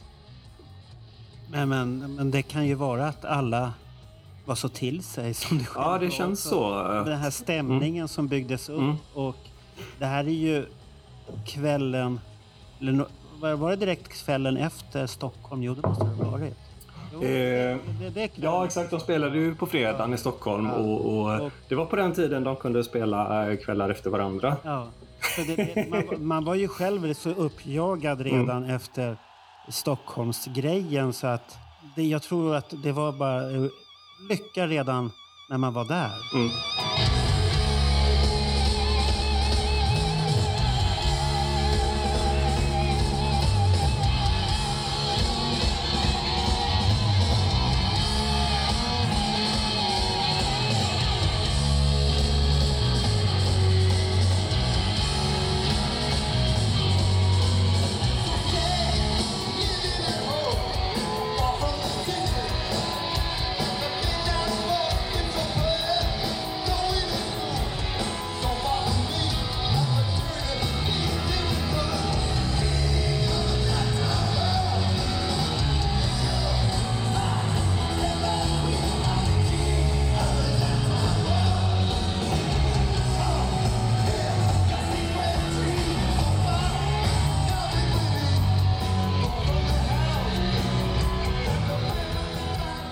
Har ju varit där samtidigt Ja, utan att veta om det. Och plus många andra som vi känner som har varit Ja, ja, nu känns Som det som in- alla man känner man var där. Mm. Som man inte hade någon aning om då. Nej, exakt. Sättet. Och så det är lite häftigt att vi har stått där alla där nära. Man kanske har irriterat sig på någon som man känner idag. Som man och sen den jäveln står i vägen och sånt här. Men, men, men det var ju så här lyckorus och det lyckoruset det, det var ju lyckorus i Stockholm och det var ju samma sak i Göteborg. Mm. Eurofin eller vad ska man säga? Ja, exakt. Man gick på en drog Mm. ungefär. Och då behövde man inte ha alkohol till det ens en gång. Nej, och sen minns jag också att jag tyckte att det var så coolt att Paul Stanley pratade lite svenska ibland. För att det hade jag ingen koll på. För jag hade, runt den här tiden hade jag inte hört några svenska bootlegs. Utan de enda bootlegsen jag hade liksom koll på och sånt, det var ju de här typ Tokyo 77 och, och som man sett på, på de här VHSen då som man fick tag på på, på Melody Line i Göteborg. Ja. Eh, Så att jag hade ju inga ljudbootlegs hade jag inte samlat på mig ännu. Så det minns jag liksom att jag, jag, jag tänkte så här att oj, kan han svenska? Vad coolt.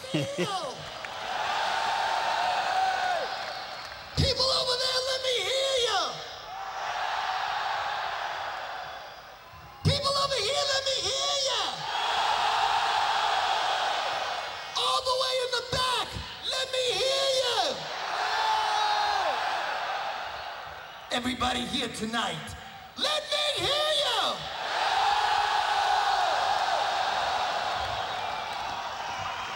I hope, I hope nobody's getting tired. Oh, I see all these pretty girls in the front. I don't speak very good Swedish, but I can say, du har sett. I can say, jag gillar rumpa.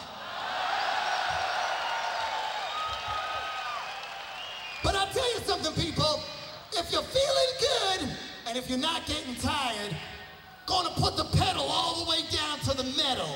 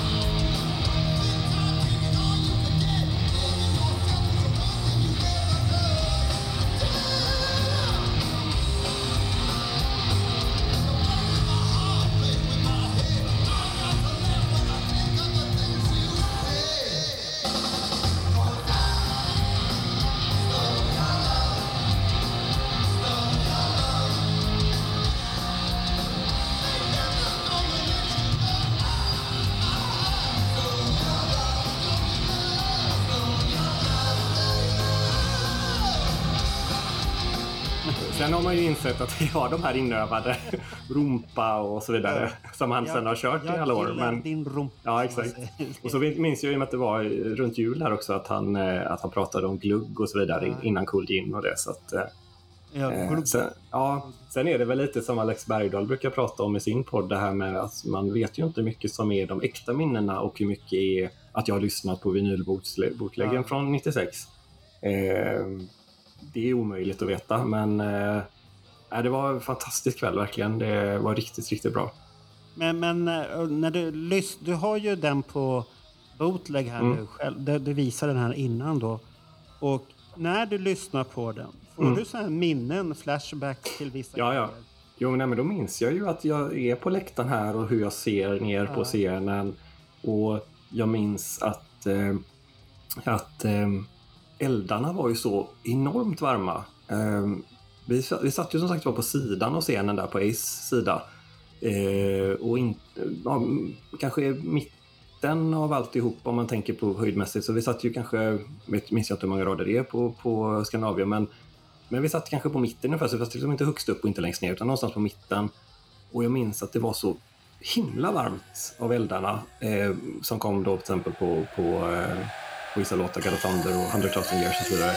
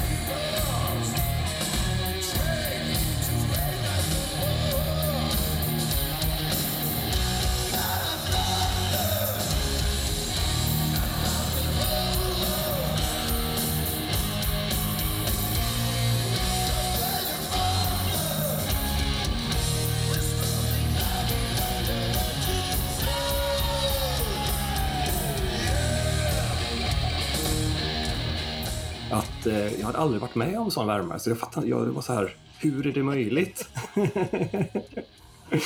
Ja. Och, det, och det är då man undrar, hur är det på scenen? Exakt. Exakt. Stö- störde du dig på eldarna på något sätt? Nej, jag tyckte bara det var skitcoolt. Okej. Alltså jag bara kände att så, så här... Så, det är så här coolt. Alltså, även om man är nu med facit i hand så var ju den här turnén ganska tråkig. Det har ju ni pratat om också hur mörk scenen var. Ja. Det var ju inte så effektfullt. Alltså de hade ju såklart fyrkerier på några ställen, de hade lite eld och så vidare. Men, men med facit i hand så var det ju inte så coolt egentligen. Fast man tyckte ju det då. Eh, så att eh, det var ju häftigt att se eh, Jean dregla blod och Jean flyga och allt det här liksom. Och, men, men det var ju inte det var ju inte så, alltså de har ju coolare show nu på End Ja, of the Road-turnén såklart. Ja. Eh, så att, Men, men eh, det var ju inte den här Love Gun-scenen som vi ser från Kiss Alive. Nej, nej, nej, nej. Slaget. Nej. Och det var ju det det skulle likna, Mm. men det var ju inte riktigt. nej. Det var ju mycket mörkare och jag kommer Mm. ihåg när man jobbade med Destroyer från den tiden. Och bilderna som Mats Wassfjord, Ulf Lorenzi Mm. hade tagit, och man ska, de var jättemörka. Mm. Det var ju bara svart runt omkring. Ja, exakt. inga spottar. Inte som Nej. idag att du har jättemycket ljuseffekter. Nej, exakt. Det fanns inte. Nej. Det, det som är, jag kan tycka är lite märkligt också, det är ju att när vi gick och såg de här konserterna, både på 80 och 90 och kanske till och med på 70-talet, eh, det var ju inget vi tänkte på då. Nej. Ja, man, man kunde se vilka som var på scenen och så var man nöjd. Så lite Mm. röd spott och lite blå spott. Och ehm, ser man konserten nu med LED och allt vad det nu är för någonting. Jag blir förvånad över att vi liksom, att vi liksom köpte det här gamla arrangemanget. Fast det fanns ju inte den, den tekniken som finns idag. Nej, nej men så är det ju. De, Kiss har ju lagt grunden för mycket av vad alla artister sysslar med nu för tiden. Det, är- Så Mm. är det ju det är bara att lyfta på hatten liksom. Och just det som ni pratar om, det här ljusa. Jag menar, Mm. ett exempel, jag såg Queen på Isstaden 82. Ja, det var väl lite småljust här och där. Eh, Och Mm. jag såg dem 2022 eh, på Globen, tror jag det var. Eh, som natt och dag. Eh, bandet men- var men det- bättre, men eh, Ja. ja. Men, men det är ju helt olika grejer. Det går inte att jämföra shower på det sättet längre. Nej. Med dåtid. Och man får väl ta det för vad det är. Men Mm. de bättre, de tog ju... Jag vet inte om de tog till sig utav kritik att det var så mycket. För det var en helt annan grej sedan 99. Mm. Då var det ju mycket mer ljus och fläng och... Ja, jo, men det var det. Nu ska, nu ska jag inte kritisera 3D-effekten igen, men den berömda 3D-effekten. Men hade du några låtar som du gillade? Ja, eh, jag tyckte ju att det var häftigt eh, med alla låtar egentligen. Men, men eh, eh, Juice har jag alltid gillat som en öppningslåt och, och Strutter är ju en av mina favoritlåtar. Sen var det kul att de körde Come On and Love Me som de inte körde så mycket. Eh, för den är coolt att ha hört live.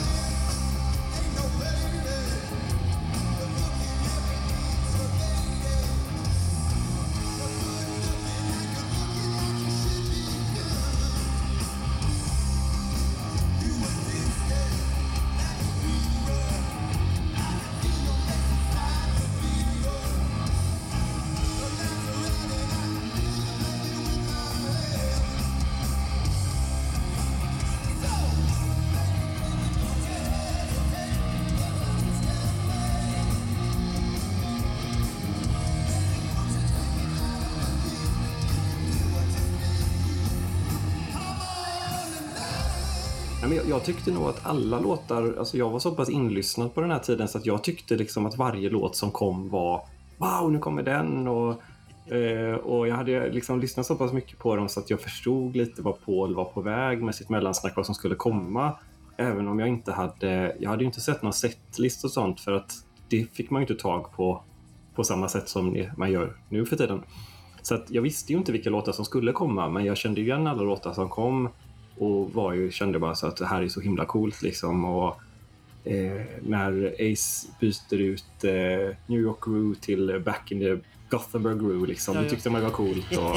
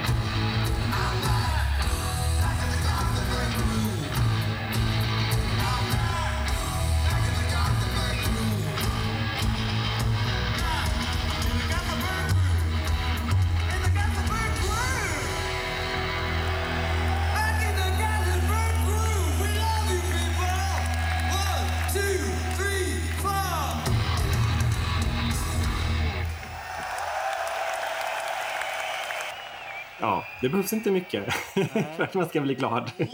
Det är ju tur att det inte är Gene som ska göra den biten för att han har ju lite svårt att veta. Det hade blivit Helsinki Groove. Ja, det hade blivit allt möjligt. Så att det är ju tur att det är... Ace har koll på det där. Ja, ja. Så Exakt. han är någonstans jämfört. Jag tror bara det är en roll han spelar Ace, att han är lite förvirrad ibland. Ja, Det är egentligen Gene som är den förvirrade. Nej. I alla fall med text, kom ihåg texter. Ja, det, det kommer jag ihåg när jag satt och klippte 84-podden där han ska hoppa in för Paul ramlar. Ja, just det. Ja, det brukar ju inte gå så bra när han ska hoppa in. Och då sitter, den där låten har du ju spelat hur många gånger Ja. som helst. Men det är bara schabb, bla, bla, bla, bla, så, så kommer olika ord bara Mm. som man hänger ut som passar. Så det, det är lite lustigt egentligen. Här.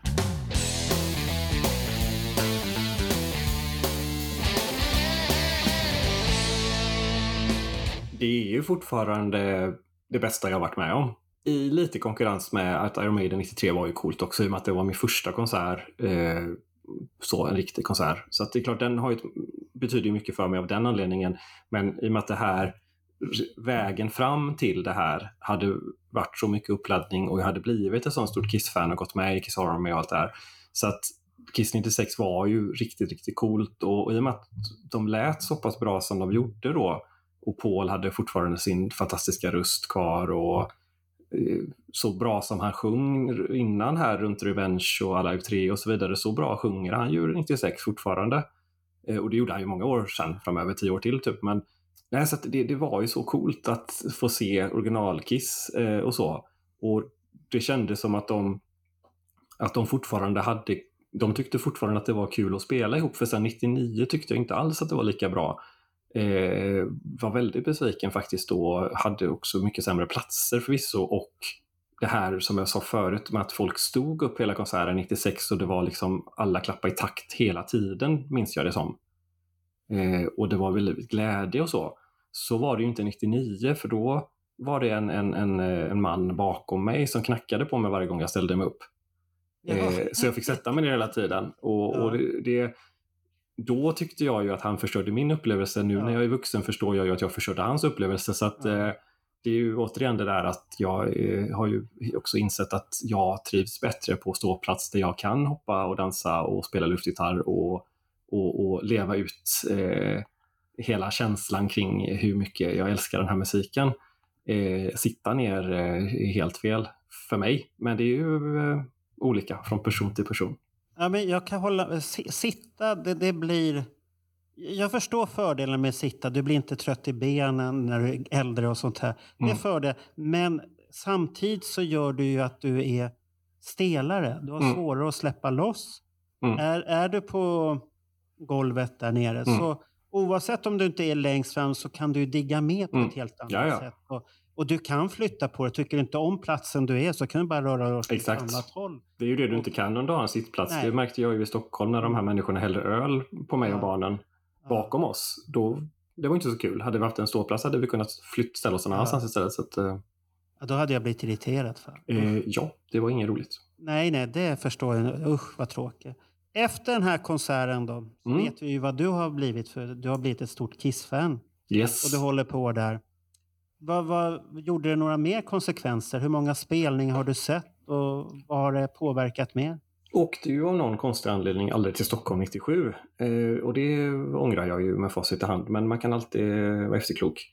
Eh, jag tror jag tyckte att Stockholm kändes läskigt långt bort och, eh, eh, och så på något sätt. Eh, jättekonstigt med, nu när man är äldre. Men eh, då tyckte jag ju det.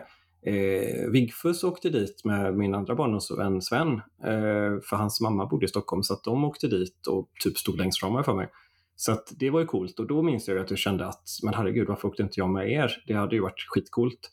Eh, sen har jag ju lärt känna folk på senare år som en, i min ålder och ändå åkte till Prag 96 och, och såg massa spelningar. Jag tänkte men herregud varför gjorde inte jag sånt? Eh, det är märkligt men eh, man ska ju inte så här, sitta och tänka för mycket på det. Han- Handlar inte det här lite grann om att när man inte vet så blir det jobbigt? Mm. Jag kan bara säga så här, du pratar om om vi ska liksom vända på det här. Jag har jättesvårt för att åka till Göteborg och se konserter för att det är ett sånt jävla meck. Det, det är inte att gå på konserten som är det jobbiga utan det är allt som är runt omkring. Mm. Och, eh, och så sagt, jag, jag minns att gick med en kamrat på Stones 82. Och, och så det, det är små, små prickar som hoppar, det är ljust ute, man får brännskador i solen och det är inte så jävla roligt. Eh, Så, så, och sen liksom det här man ska åka iväg kvällen innan, man ska ha någonstans att bo eller om man Mm. har goda vänner så kan man bo hos dem och plåga skiten ur dem. Men, men just den här grejen. Och då tänker jag så här, de som nu åker till, som då är Kiss-fans, och som gör kanske 10-15 konserter i Europa. Och jag tänker att all jävla logistik, det ska bos någonstans. Och eh, ja, i de allra flesta fall kanske de måste betala för biljetter och Mm. hitta dem och boka dem och allt meck som är runt omkring. Att, att bara gå på, på en konsert, Mm. teleportera mig in bara. Det är lugnt. Ja, exakt. Jo, det, det- tar Nej, just, energi. just den här tiden också då, 96. Jag förstår inte, eller det har jag ju förstått i och för sig när jag har lyssnat på vissa av era gäster och sånt som har berättat hur, de, hur man löste sånt och, och även liksom, jag lärde ju känna Johan Falk eh, runt 96 via Free Kitchen faktiskt, för att jag hade en Free Kitchen-hemsida på den tiden. Och han gillade Free Kitchen och så upptäckte jag sen flera år senare, eller kanske två, tre år senare, att, att han var Johan Johansson. Det hade ju inte jag fattat. Jaha. Som han hette innan han gifte sig. Eh, för jag hade ju Kiss Still on Fire-boken, det var ju min bibel när jag gick på högstadiet och skrev föredrag, man skulle hålla så här föredrag på svenska lektionen eller engelska lektionen. Då handlade ju alltid om Kiss och så. Då var det ju Kiss Still on Fire-boken som, det var det enda jag hade där det stod någonting om Kiss, innan Kiss jag hade kommit. Runt den tiden. Ja, det här måste ju varit innan, ja, 94, 95 eller någonting. Eh, så hade jag fått tag på Still on Fire-boken. Och sen så lärde jag känna Johan Falk och då har han berättat liksom hur han stack över till USA typ 86 och här grejer.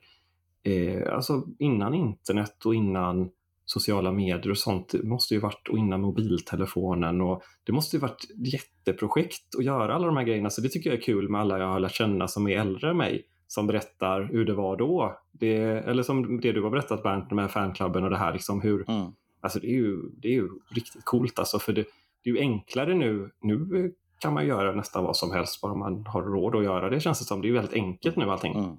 Ja, nu, nu för tiden är det enkelt Mm. att boka Mm. event utomlands. Och Ja, ja, och kontakt med folk resor och ja, ja visst. Så, att Så att, det, det eh, ordnar sig mycket enklare. Mm. Nej, så jag vet ju folk som så här eh, åkte på någon bussgrej till Prag och sånt och de var ju liksom i min ålder. Jag bara, men, men hur, hur fick du nys om att man kunde göra det och hur vågade du det och hur släppte dina föräldrar iväg dig till Prag Jag- jag när du var liksom att 15 år? Jag, ja, men jag har för mig att den här bussresan till Prag annonserades någonstans. Ja, okej. Mm. Jag kommer inte ihåg om den var på någon... Det var någonstans läste jag om det, om det var Kings International eller något sånt där. Mm. Någonstans Ja. har, jag, har jag för mig att det stod bussresor till Prag och Mm. sånt där. Och jag funderade men jag var aldrig på den Nej. resan för det funkade inte riktigt. Nej, så för mig så blev det bara den konserten 96 under den här eh, återförenings, första återföreningsvändan. Då. Sen, sen såg jag dem 99, då, en av spelningarna i Skandinavien.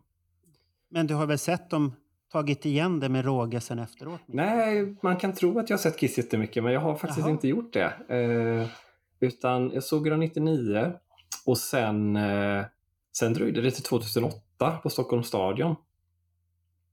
Jaha. Det, det har, då har jag för mig att vi träffades. Jag har för mig att du kom fram och sa hej. Kanske. Ja, jag, jag har för mig det. Mitt stora minne är annars när vi träffades på Kissing Time i Stockholm på det eventet, men det var ju mer i nutid. Det är Eh, 2015 då? Ja. Eller 2016? Ja, det var det första, 15 Ja, måste det ha varit 2000, då. Ja. På Kruthuset där. 2015. yes. Ja. Men jag, jag har träffat dig innan på någon av de Ja, här okej. eh, spelningarna och sen pratade vi rätt så mycket på Trollhättan. Mm, ja, men exakt. Och det var ju där jag träffade Bernt första gången. 16, Ja, exakt. ja. Mm. Och, jag kommer ihåg... Nej, det var första Trollhättan. Ja, första Trollhättan var det. Exakt. Första Trollhättan, Mm. inte ett Bernt Trollhättan, första Trollhättan. Eh, och då kommer jag ihåg att du hade, det, det har fastnat, du hade en guldjacka på dig. Jaha, hade jag den på mig då? Ja, den kommer jag ihåg, för den fastnade, det var en Ja, jävel ja, det var ju. Night Flight Orchestra och nu är ju cirkeln sluten när de ska få vara förband till Kiss i Dalhalla. Ja, för det, Så det är var roligt lite för dem. så Mm. eh, Så att det, det var lite häftigt tyckte Ja. jag. Jag bara satt och tänkte, det var en jävel och vill jag sticka ut här. och, sen, och sen vann du ju den här eh, tävlingen. Ja, just det. Fast eh, ja, 2014 i Trollhättan, Ja, den första. då vann jag ju Kiss-quizet där. Men då hade jag inte guldjackan på mig. Då hade jag en silvrig skjorta Var på det mig. silver du hade? Var det året Ja. efter du hade guld? Men då Ja, kanske det det var en silvriga du Ja, hade? Då har jag bara sett guld på bild då någonstans. Ja, Det var- exakt. Så, Så kan är det det nog den vara. silvriga Ja. jackan du hade. Ja, nej, men det, det var det. Exakt. Så att, eh, ja, Vi, vi var först på det här föredraget och Mm. sen hamnade vi på någon Och backstage bar tror jag det hette, där Ja, i Trollhättan i någon källare. där. Ja, exakt. Yes. Och Jimmy stod och spelade. Mm. Var det bara han som sjöng? Ja, jag tror, inte, jag tror inte någon av hans tjejer var med. Nej.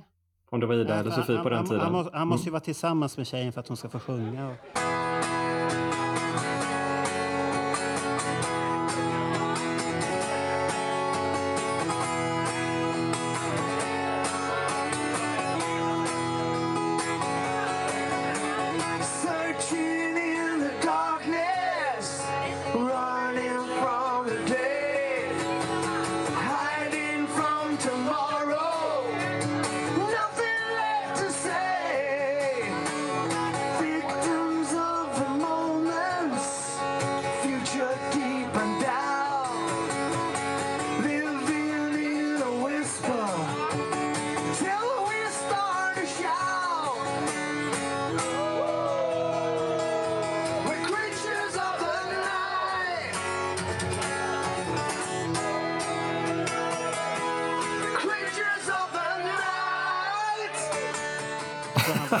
var soloprojekt. Han var mellan två flickvänner. ja, jag tror han var mellan två flickvänner på den tiden. Så det, ingen fick vara med då på scen. Nej, exakt. Nej, men Så är det. det. var, det var en härlig tid det också, de eventen tycker jag. Det var, Ja, det var, det var det är jättekul. Och det är ju där, för att jag såg ju Kiss då 2008 på Stockholms stadion och jag minns att jag blev så ledsen och besviken över att, för Pauls röst hade ju börjat gå sönder då. Ja. Och det gjorde så ont i mig för Paul är ju min stora idol. Alltså jag älskar ju Paul Stanley eh, och jag, på alla sätt och vis. Och det gjorde så ont i mig att han krax, började kraxa redan då och det lät inte bra. Så att där och då så, så blev jag så besviken och ledsen. För både min egen skull och för Pauls skull att det var som det var. Så att där är det, det är inte så illa som med Bernts ångestgarderob. Eh, är det inte. Eh, jag fortsatte att lyssna på Kiss såklart, men jag gick faktiskt inte och såg Kiss för en, eh, ska vi tänka här, 2017 i Skandinavium. Okej. Så jag tog en paus från 08 till 17 och se dem live. lät, det värsta var att det lät ju inte bättre då. Nej, och, och grejen är den att jag hade tänkt att hoppa över konserten 17 just på grund av att det fortfarande lät dåligt och så hade man ju hört och sett hur det var 2013 på Sweden Rock. Ja. Och det gjorde Oj, inte att man blev, då blev man inte direkt mer sugen. Eh, och så. Nej. Men så var det någon på internet som skrev en kommentar som bara gick, gick rätt in i mitt hjärta. Eh, och jag borde kollat upp vem detta var för att den personen förtjänar hyllning och så vidare. Men det har jag inte gjort. Men det var i alla fall någon som skrev i något Kissforum att eh, eh, nu är det våran tur att bära Paul som Paul har burit oss genom våran uppväxt. Och då kände jag bara att ja, så är det. Nu går jag dit och sjunger. För Paul kan inte sjunga, nu får jag sjunga. Fast jag kan inte heller sjunga i och för sig. Men... Men, men var det inte det som hände nu senast 2022 att alla hade accepterat att det är så här? Jo, sen Oavsett låter det ju om det- bättre nu också i och med deras backing tracks och Ja. så vidare. Så att Men det är ju eh, ingen när som 17 lät... Nej, nej, nu har ju folk mer accepterat det. Plus att nu, nu låter det ju inte så dåligt längre. Eh, I och med att de fusk- fuskar lite på sina ställen. Eh, så att nu kan ju inte folk klaga på samma sätt. Nu kan ju folk bara klaga på att de har backing tracks och det är ju inte lika... Alltså, eh, om, om, han, om Paul sjunger dåligt på sina ställen, så ett sånt klipp, då hör ju folk att om han låter illa här. Men att du ska visa ett klipp där han låter bra och säga ja ah, men det, det är fake. Det slår ju inte lika hårt som att spela upp Nej. någonting som låter dåligt. Så att det, det är ju eh, det är tråkigt att det är som det är och det kan man ju, det är ju ingen idé att diskutera i Nej. evigheter för det är ju som det är. Han, hans röst har ju gått sönder och det är jättesorgligt och tråkigt och jag önskar att han hade fått ta kvar sin fina röst eh, och det önskar ju säkert han också. Eh, men det är vad det är och eh, jag tycker att det är, det är bättre att de fuskar lite på några ställen eh, för det är ju inte helt inspelat. Då hade jag nog tyckt att det var eh, ja, jag hade gått ändå såklart men, Ja, men, ja. men, men, eh, nej, men är det, alltså 2017 gick jag dit och då hade jag liksom ställt in mig, då var jag inte så då blev, då, då blev inte besvikelsen så stor som när jag blev 08 för då var jag inte riktigt beredd på att det skulle Nej. låta så illa. Det var Eh, nog och- många som inte var beredda. Nej. Sen vet jag inte om man hade en dålig kväll. Jag har inte lyssnat jättemycket på de andra spelningarna där omkring. Eh, och sen kan ju tilläggas också att jag tyckte ju, det tycker jag inte längre, men jag tyckte ju att det var väldigt jobbigt hela den här Tommy och Eric ska sminka som Ja. Ace och Peter. Det hade jag ju svårt att acceptera då. Det minns jag ju, att jag tyckte att men varför gör de så? Det känns ju fel och så vidare. Eh, så känner jag inte alls längre. Eh, känner jag bara att shit vad, vad bra att de är så fina personer och gör att Kiss faktiskt kan finnas år 2023. Men 2010, då, då hoppade du den helt och hållet tack Ja, vare det där. yes. Så då gick jag inte. För, för det som var roligt 2010, det, det tyckte jag att då visste folk hur det skulle vara. Mm. Och, och då var det hela tiden den här kommentaren från många och många utav oss Kiss Army-fans som sa att ja men det är inte så illa. Då började den kommentaren. man kom in lite i någon förnekelse så. Ja, där Mm. man vill förneka något. Det är inte så illa och det har ju varit ända fram till 2022 det här. Det är inte så illa. Och vi började väl acceptera det lite 2019, det var mycket snack. Och Mm. 2022 så dog det, upp, dog det nästan helt och Mm. hållet. Och de här negativa kommentarerna att det är på fusk och sånt Mm. här. Man försökte 2022 på många ställen Mm. på Youtube och lägga upp det. Men responsen vart inte Nej. så stor som många hade hoppats på. Det vart bara så här, ja, och vad ska vi göra? Det, det är som det är. Mm. Och vi hade börjat förstå att de är 70 plus. Mm. Acceptera det. Det, det som gör det hela intressant med 2022, det här är, jag är osäker på om det är Doc eller om det är Gene Simmons som säger det här i en skandinavisk intervju. Och det är att man inte använder backing-tracken i eh, Sverige. Jag vet inte om det är sant eller inte, eller om det bara hittar på av Gene Mm. Simmons. Eller om han pratar om sig själv. Ja, just det. han använder några backing tracks. Det var, det var nämligen, f- för frågan dök ju upp och då handlade det om Paul Stanley. Mm. Eh, Men svaret, jag börjar tro mer och mer att det var Gene Simmons som fick den här frågan. Och jag tror att det är samma intervju som när han säger det, ja förresten, vi tycker det här är så himla kul så att vi slänger på 50 konserter till. Tackar, tackar. Ja, exakt. Eh, Så det är den intervjun som ni kan gå och, och nörda i. Ja. Och, men Och- oavsett vad det är så... Ja, nej, men Gene har ju eh, öppet kritiserat Paul. Det finns ju något klipp från Japan, eh, vad kan det ha varit, 2008, 10 där någonting när han, när han säger till Paul på någon soundcheck liksom att save your voice, säger han till Paul. eh, så att eh, det måste ju ha, det har nog eh, pratats en del i som vi inte får höra hur, hur det är och så vidare. Men det, det hade varit bättre att han var ärlig med det Paul kan jag tycka. Ja. För att det blir ju lite det här elefanten i rummet eh, kring hans röst. Och det, det, det blir inte heller bra för att det, det har jag också tänkt på att, att vara ett Kiss-fan, det är ju, det är ju en... eh, Det är, det är bra att det heter Kiss Army för det är verkligen en, en kamp. För att du blir retad av folk som inte gillar hårdrock för att de tycker att det är töntigt att lyssna på ett band som har smink. Och, eh, och hårdrock, då tror ju alla som inte, gillar, som inte kan hårdrock att det ska vara någon form av eh, growl-sång på all hårdrock. Mm. Det tror ju många. Och sen när du väl kommer in i hårdrockssfären, då blir du mobbad av hårdrockarna för att de tycker att Kiss är töntigt. Det är ju inte ett creditband. Men Kiss Army-familjen är ju härlig, så att där har ju vi där tycker alla är alla snälla och tycker om varandra.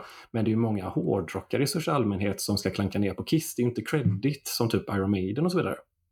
Ja, men det, det är för att de inte har förstått att det är en religion. Ja, Det är en sekt. ja Alltså, exakt. det spelar ingen roll vad de tycker. Så, Så kommer det, spe- så det här med Pauls röst nu och, och att de inte har original, originalmedlemmarna och allt det där.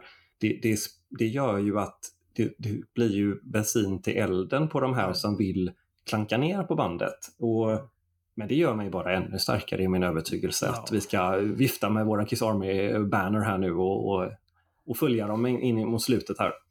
Men, sa- men samtidigt, jag bryr mig inte. Nej. Det- Det är, det är mitt projekt, det är Ja. mitt liv. Mm. Vad andra tycker, det struntar jag i. Mm. Jag kan väl säga så här, vi har ju gjort 50 plus eh, poddar nu om Kiss. Eh, har du ordning Marco? Är det 58 nu eller? Det är hemligt, det är många.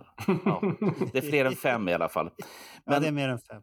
det som ändå har förvånat, det, det är ett par saker som, som jag har tänkt på sen vi drog igång. Det ena är att vi har, vad jag vet, lyssnare som inte är ett dugg Kiss-intresserade.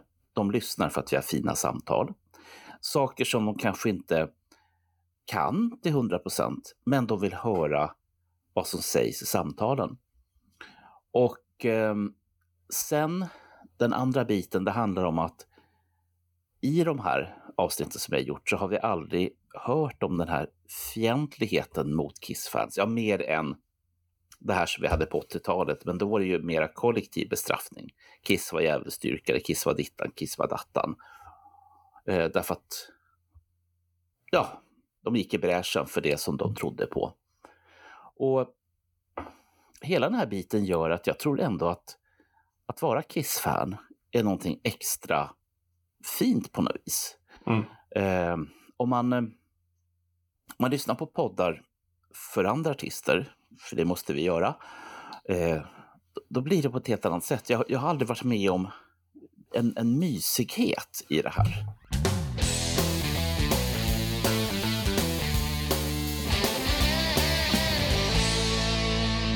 Ska vi se Patrik i Dalhallen?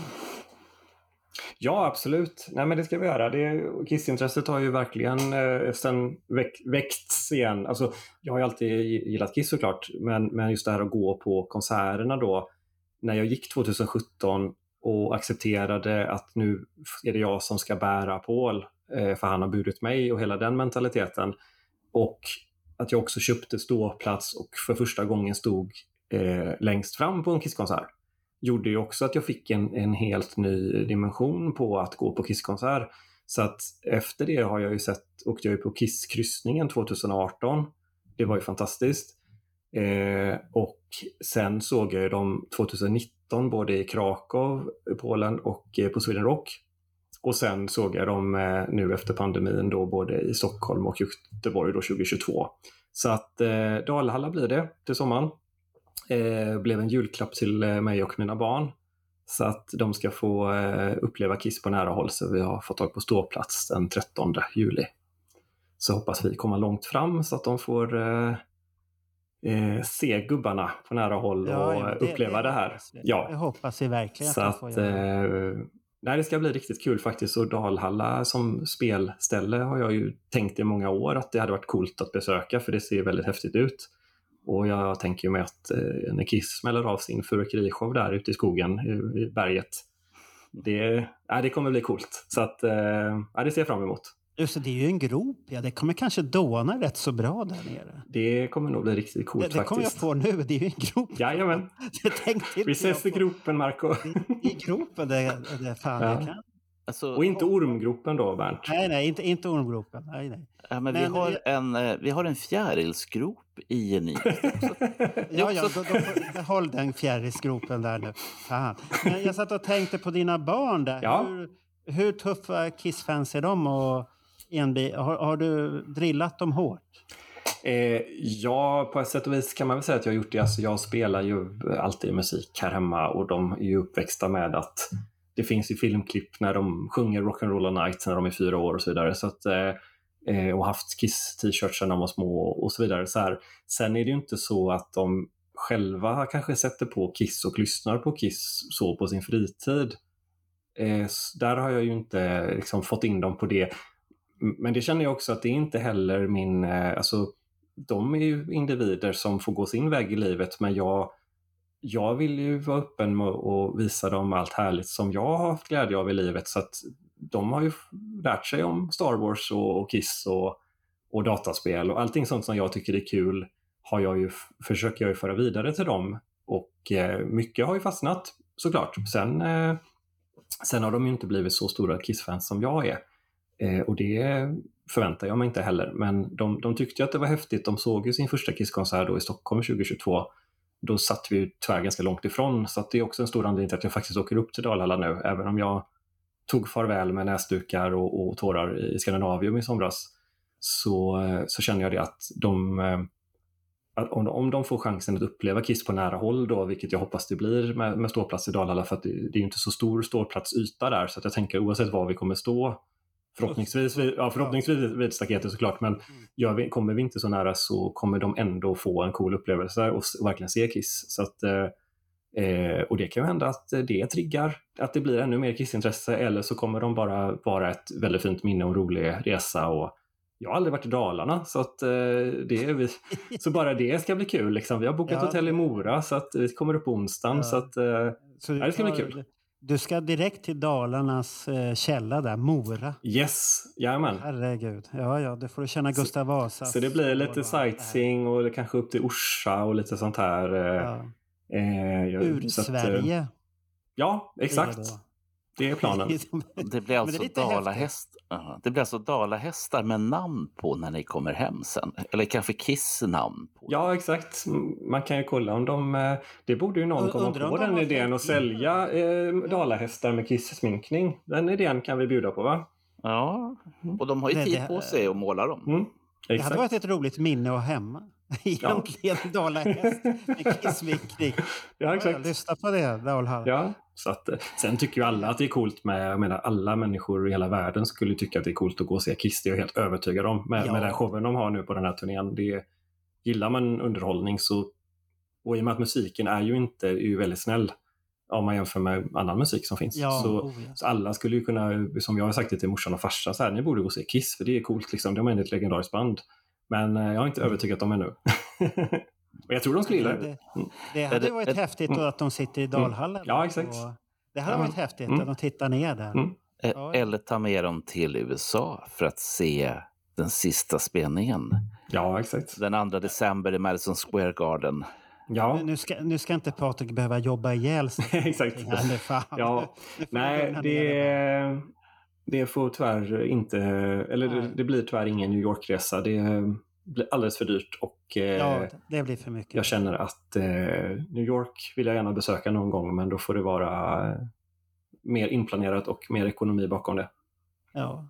Ska vi tacka Patrik? Klart vi ska tacka Ja, Patrik. vi tackar Patrik. Det var trevligt att ha, med, ha dig med och, och tack för, också för den positiva feedback du brukar ge ibland till podden. Och Ja, att vi ska varsågoda. tänka efter och sånt här. Och det, det tycker jag är positivt för då Mm. får man en tankeställare. Jag pratade med Bernt om det faktiskt. Och, så att, men det, det här projektet med Kiss i Sverige ska vi försöka få klart innan Dalhalla. Ja. Så vi kan koppla av och sen har vi laddat med mycket annat. Ja, men det ska bli spännande. Absolut. Nej, men tack för att jag fick vara med och tack för er fina podd. Och roligt att lärt känna er också. Ni är fina personer tycker jag. Så att, eh, Tackar, tackar. Det är bra. Så syns i Dalhalla då? då. Absolut. Med dina barn och alltihopa. Jag har ju träffat dem i butiken där också. Så. Ja. Men vad, vad hände med Camilla? Hon följer inte med? Eh, nej, till Dalhalla följer hon tyvärr inte med. Så Men ni, att, men, ni, men ni skulle fira någonting i Sweden Rock har jag för mig. Ja, eh, exakt. Det är ju eh, fem år sedan vi träffades nu. Så att, eh, och det var ju på en Iron Maiden-konsert. eh, Ja, jag, jag såg det inlägget på Facebook. Så, att, eh, så nu blir det Maiden på, på fredag eh, på Sweden Rock. Så att, eh, det är väl inte riktigt exakt eh, femårsjubileum datummässigt, men det är ju det här året. Så att, eh, det blir väl bra att knyta ihop säcken med det. Så får vi väl se vad som sen- händer under året. Om det blir några andra ju firanden fi- kanske. Sen, sen var det ju fint med Johan Falk som skrev där att det var härligt att få vara med om det minnet. Ja, men, jo, exakt. Jag åkte ju upp För med Johan för du Falk. ju med då. Honom. Ja, för yes, var ja, vi gick ju på konserten ihop. Ja, men. Så att, eh, och så, ja, gillar jag ju att prata inte- med folk och och, så. Så då började jag snacka med folk där i publikhavet och då var hon en av dem. Så eh, det är lite lustigt. Jaha. Så du var så framåt dig? Ja, ja, det förstår jag. Ja, men jag pratar ju alltid med folk. Det är bara roligt. Så att, eh, Ja, ja. det var ju inte meningen att det skulle bli vi. Jag skulle ju vara singel 2018 hade jag ju bestämt mig för. Det gick ju inte så bra. Jaha, varför gick inte det så bra då? Nej, jag träffade Camilla. Ja, det hände någonting. det sprätte till, som det heter. Så ha det så bra och så syns vi framför scen. Absolut, det gör vi. Ta hand om er. Hej, hej. då. Me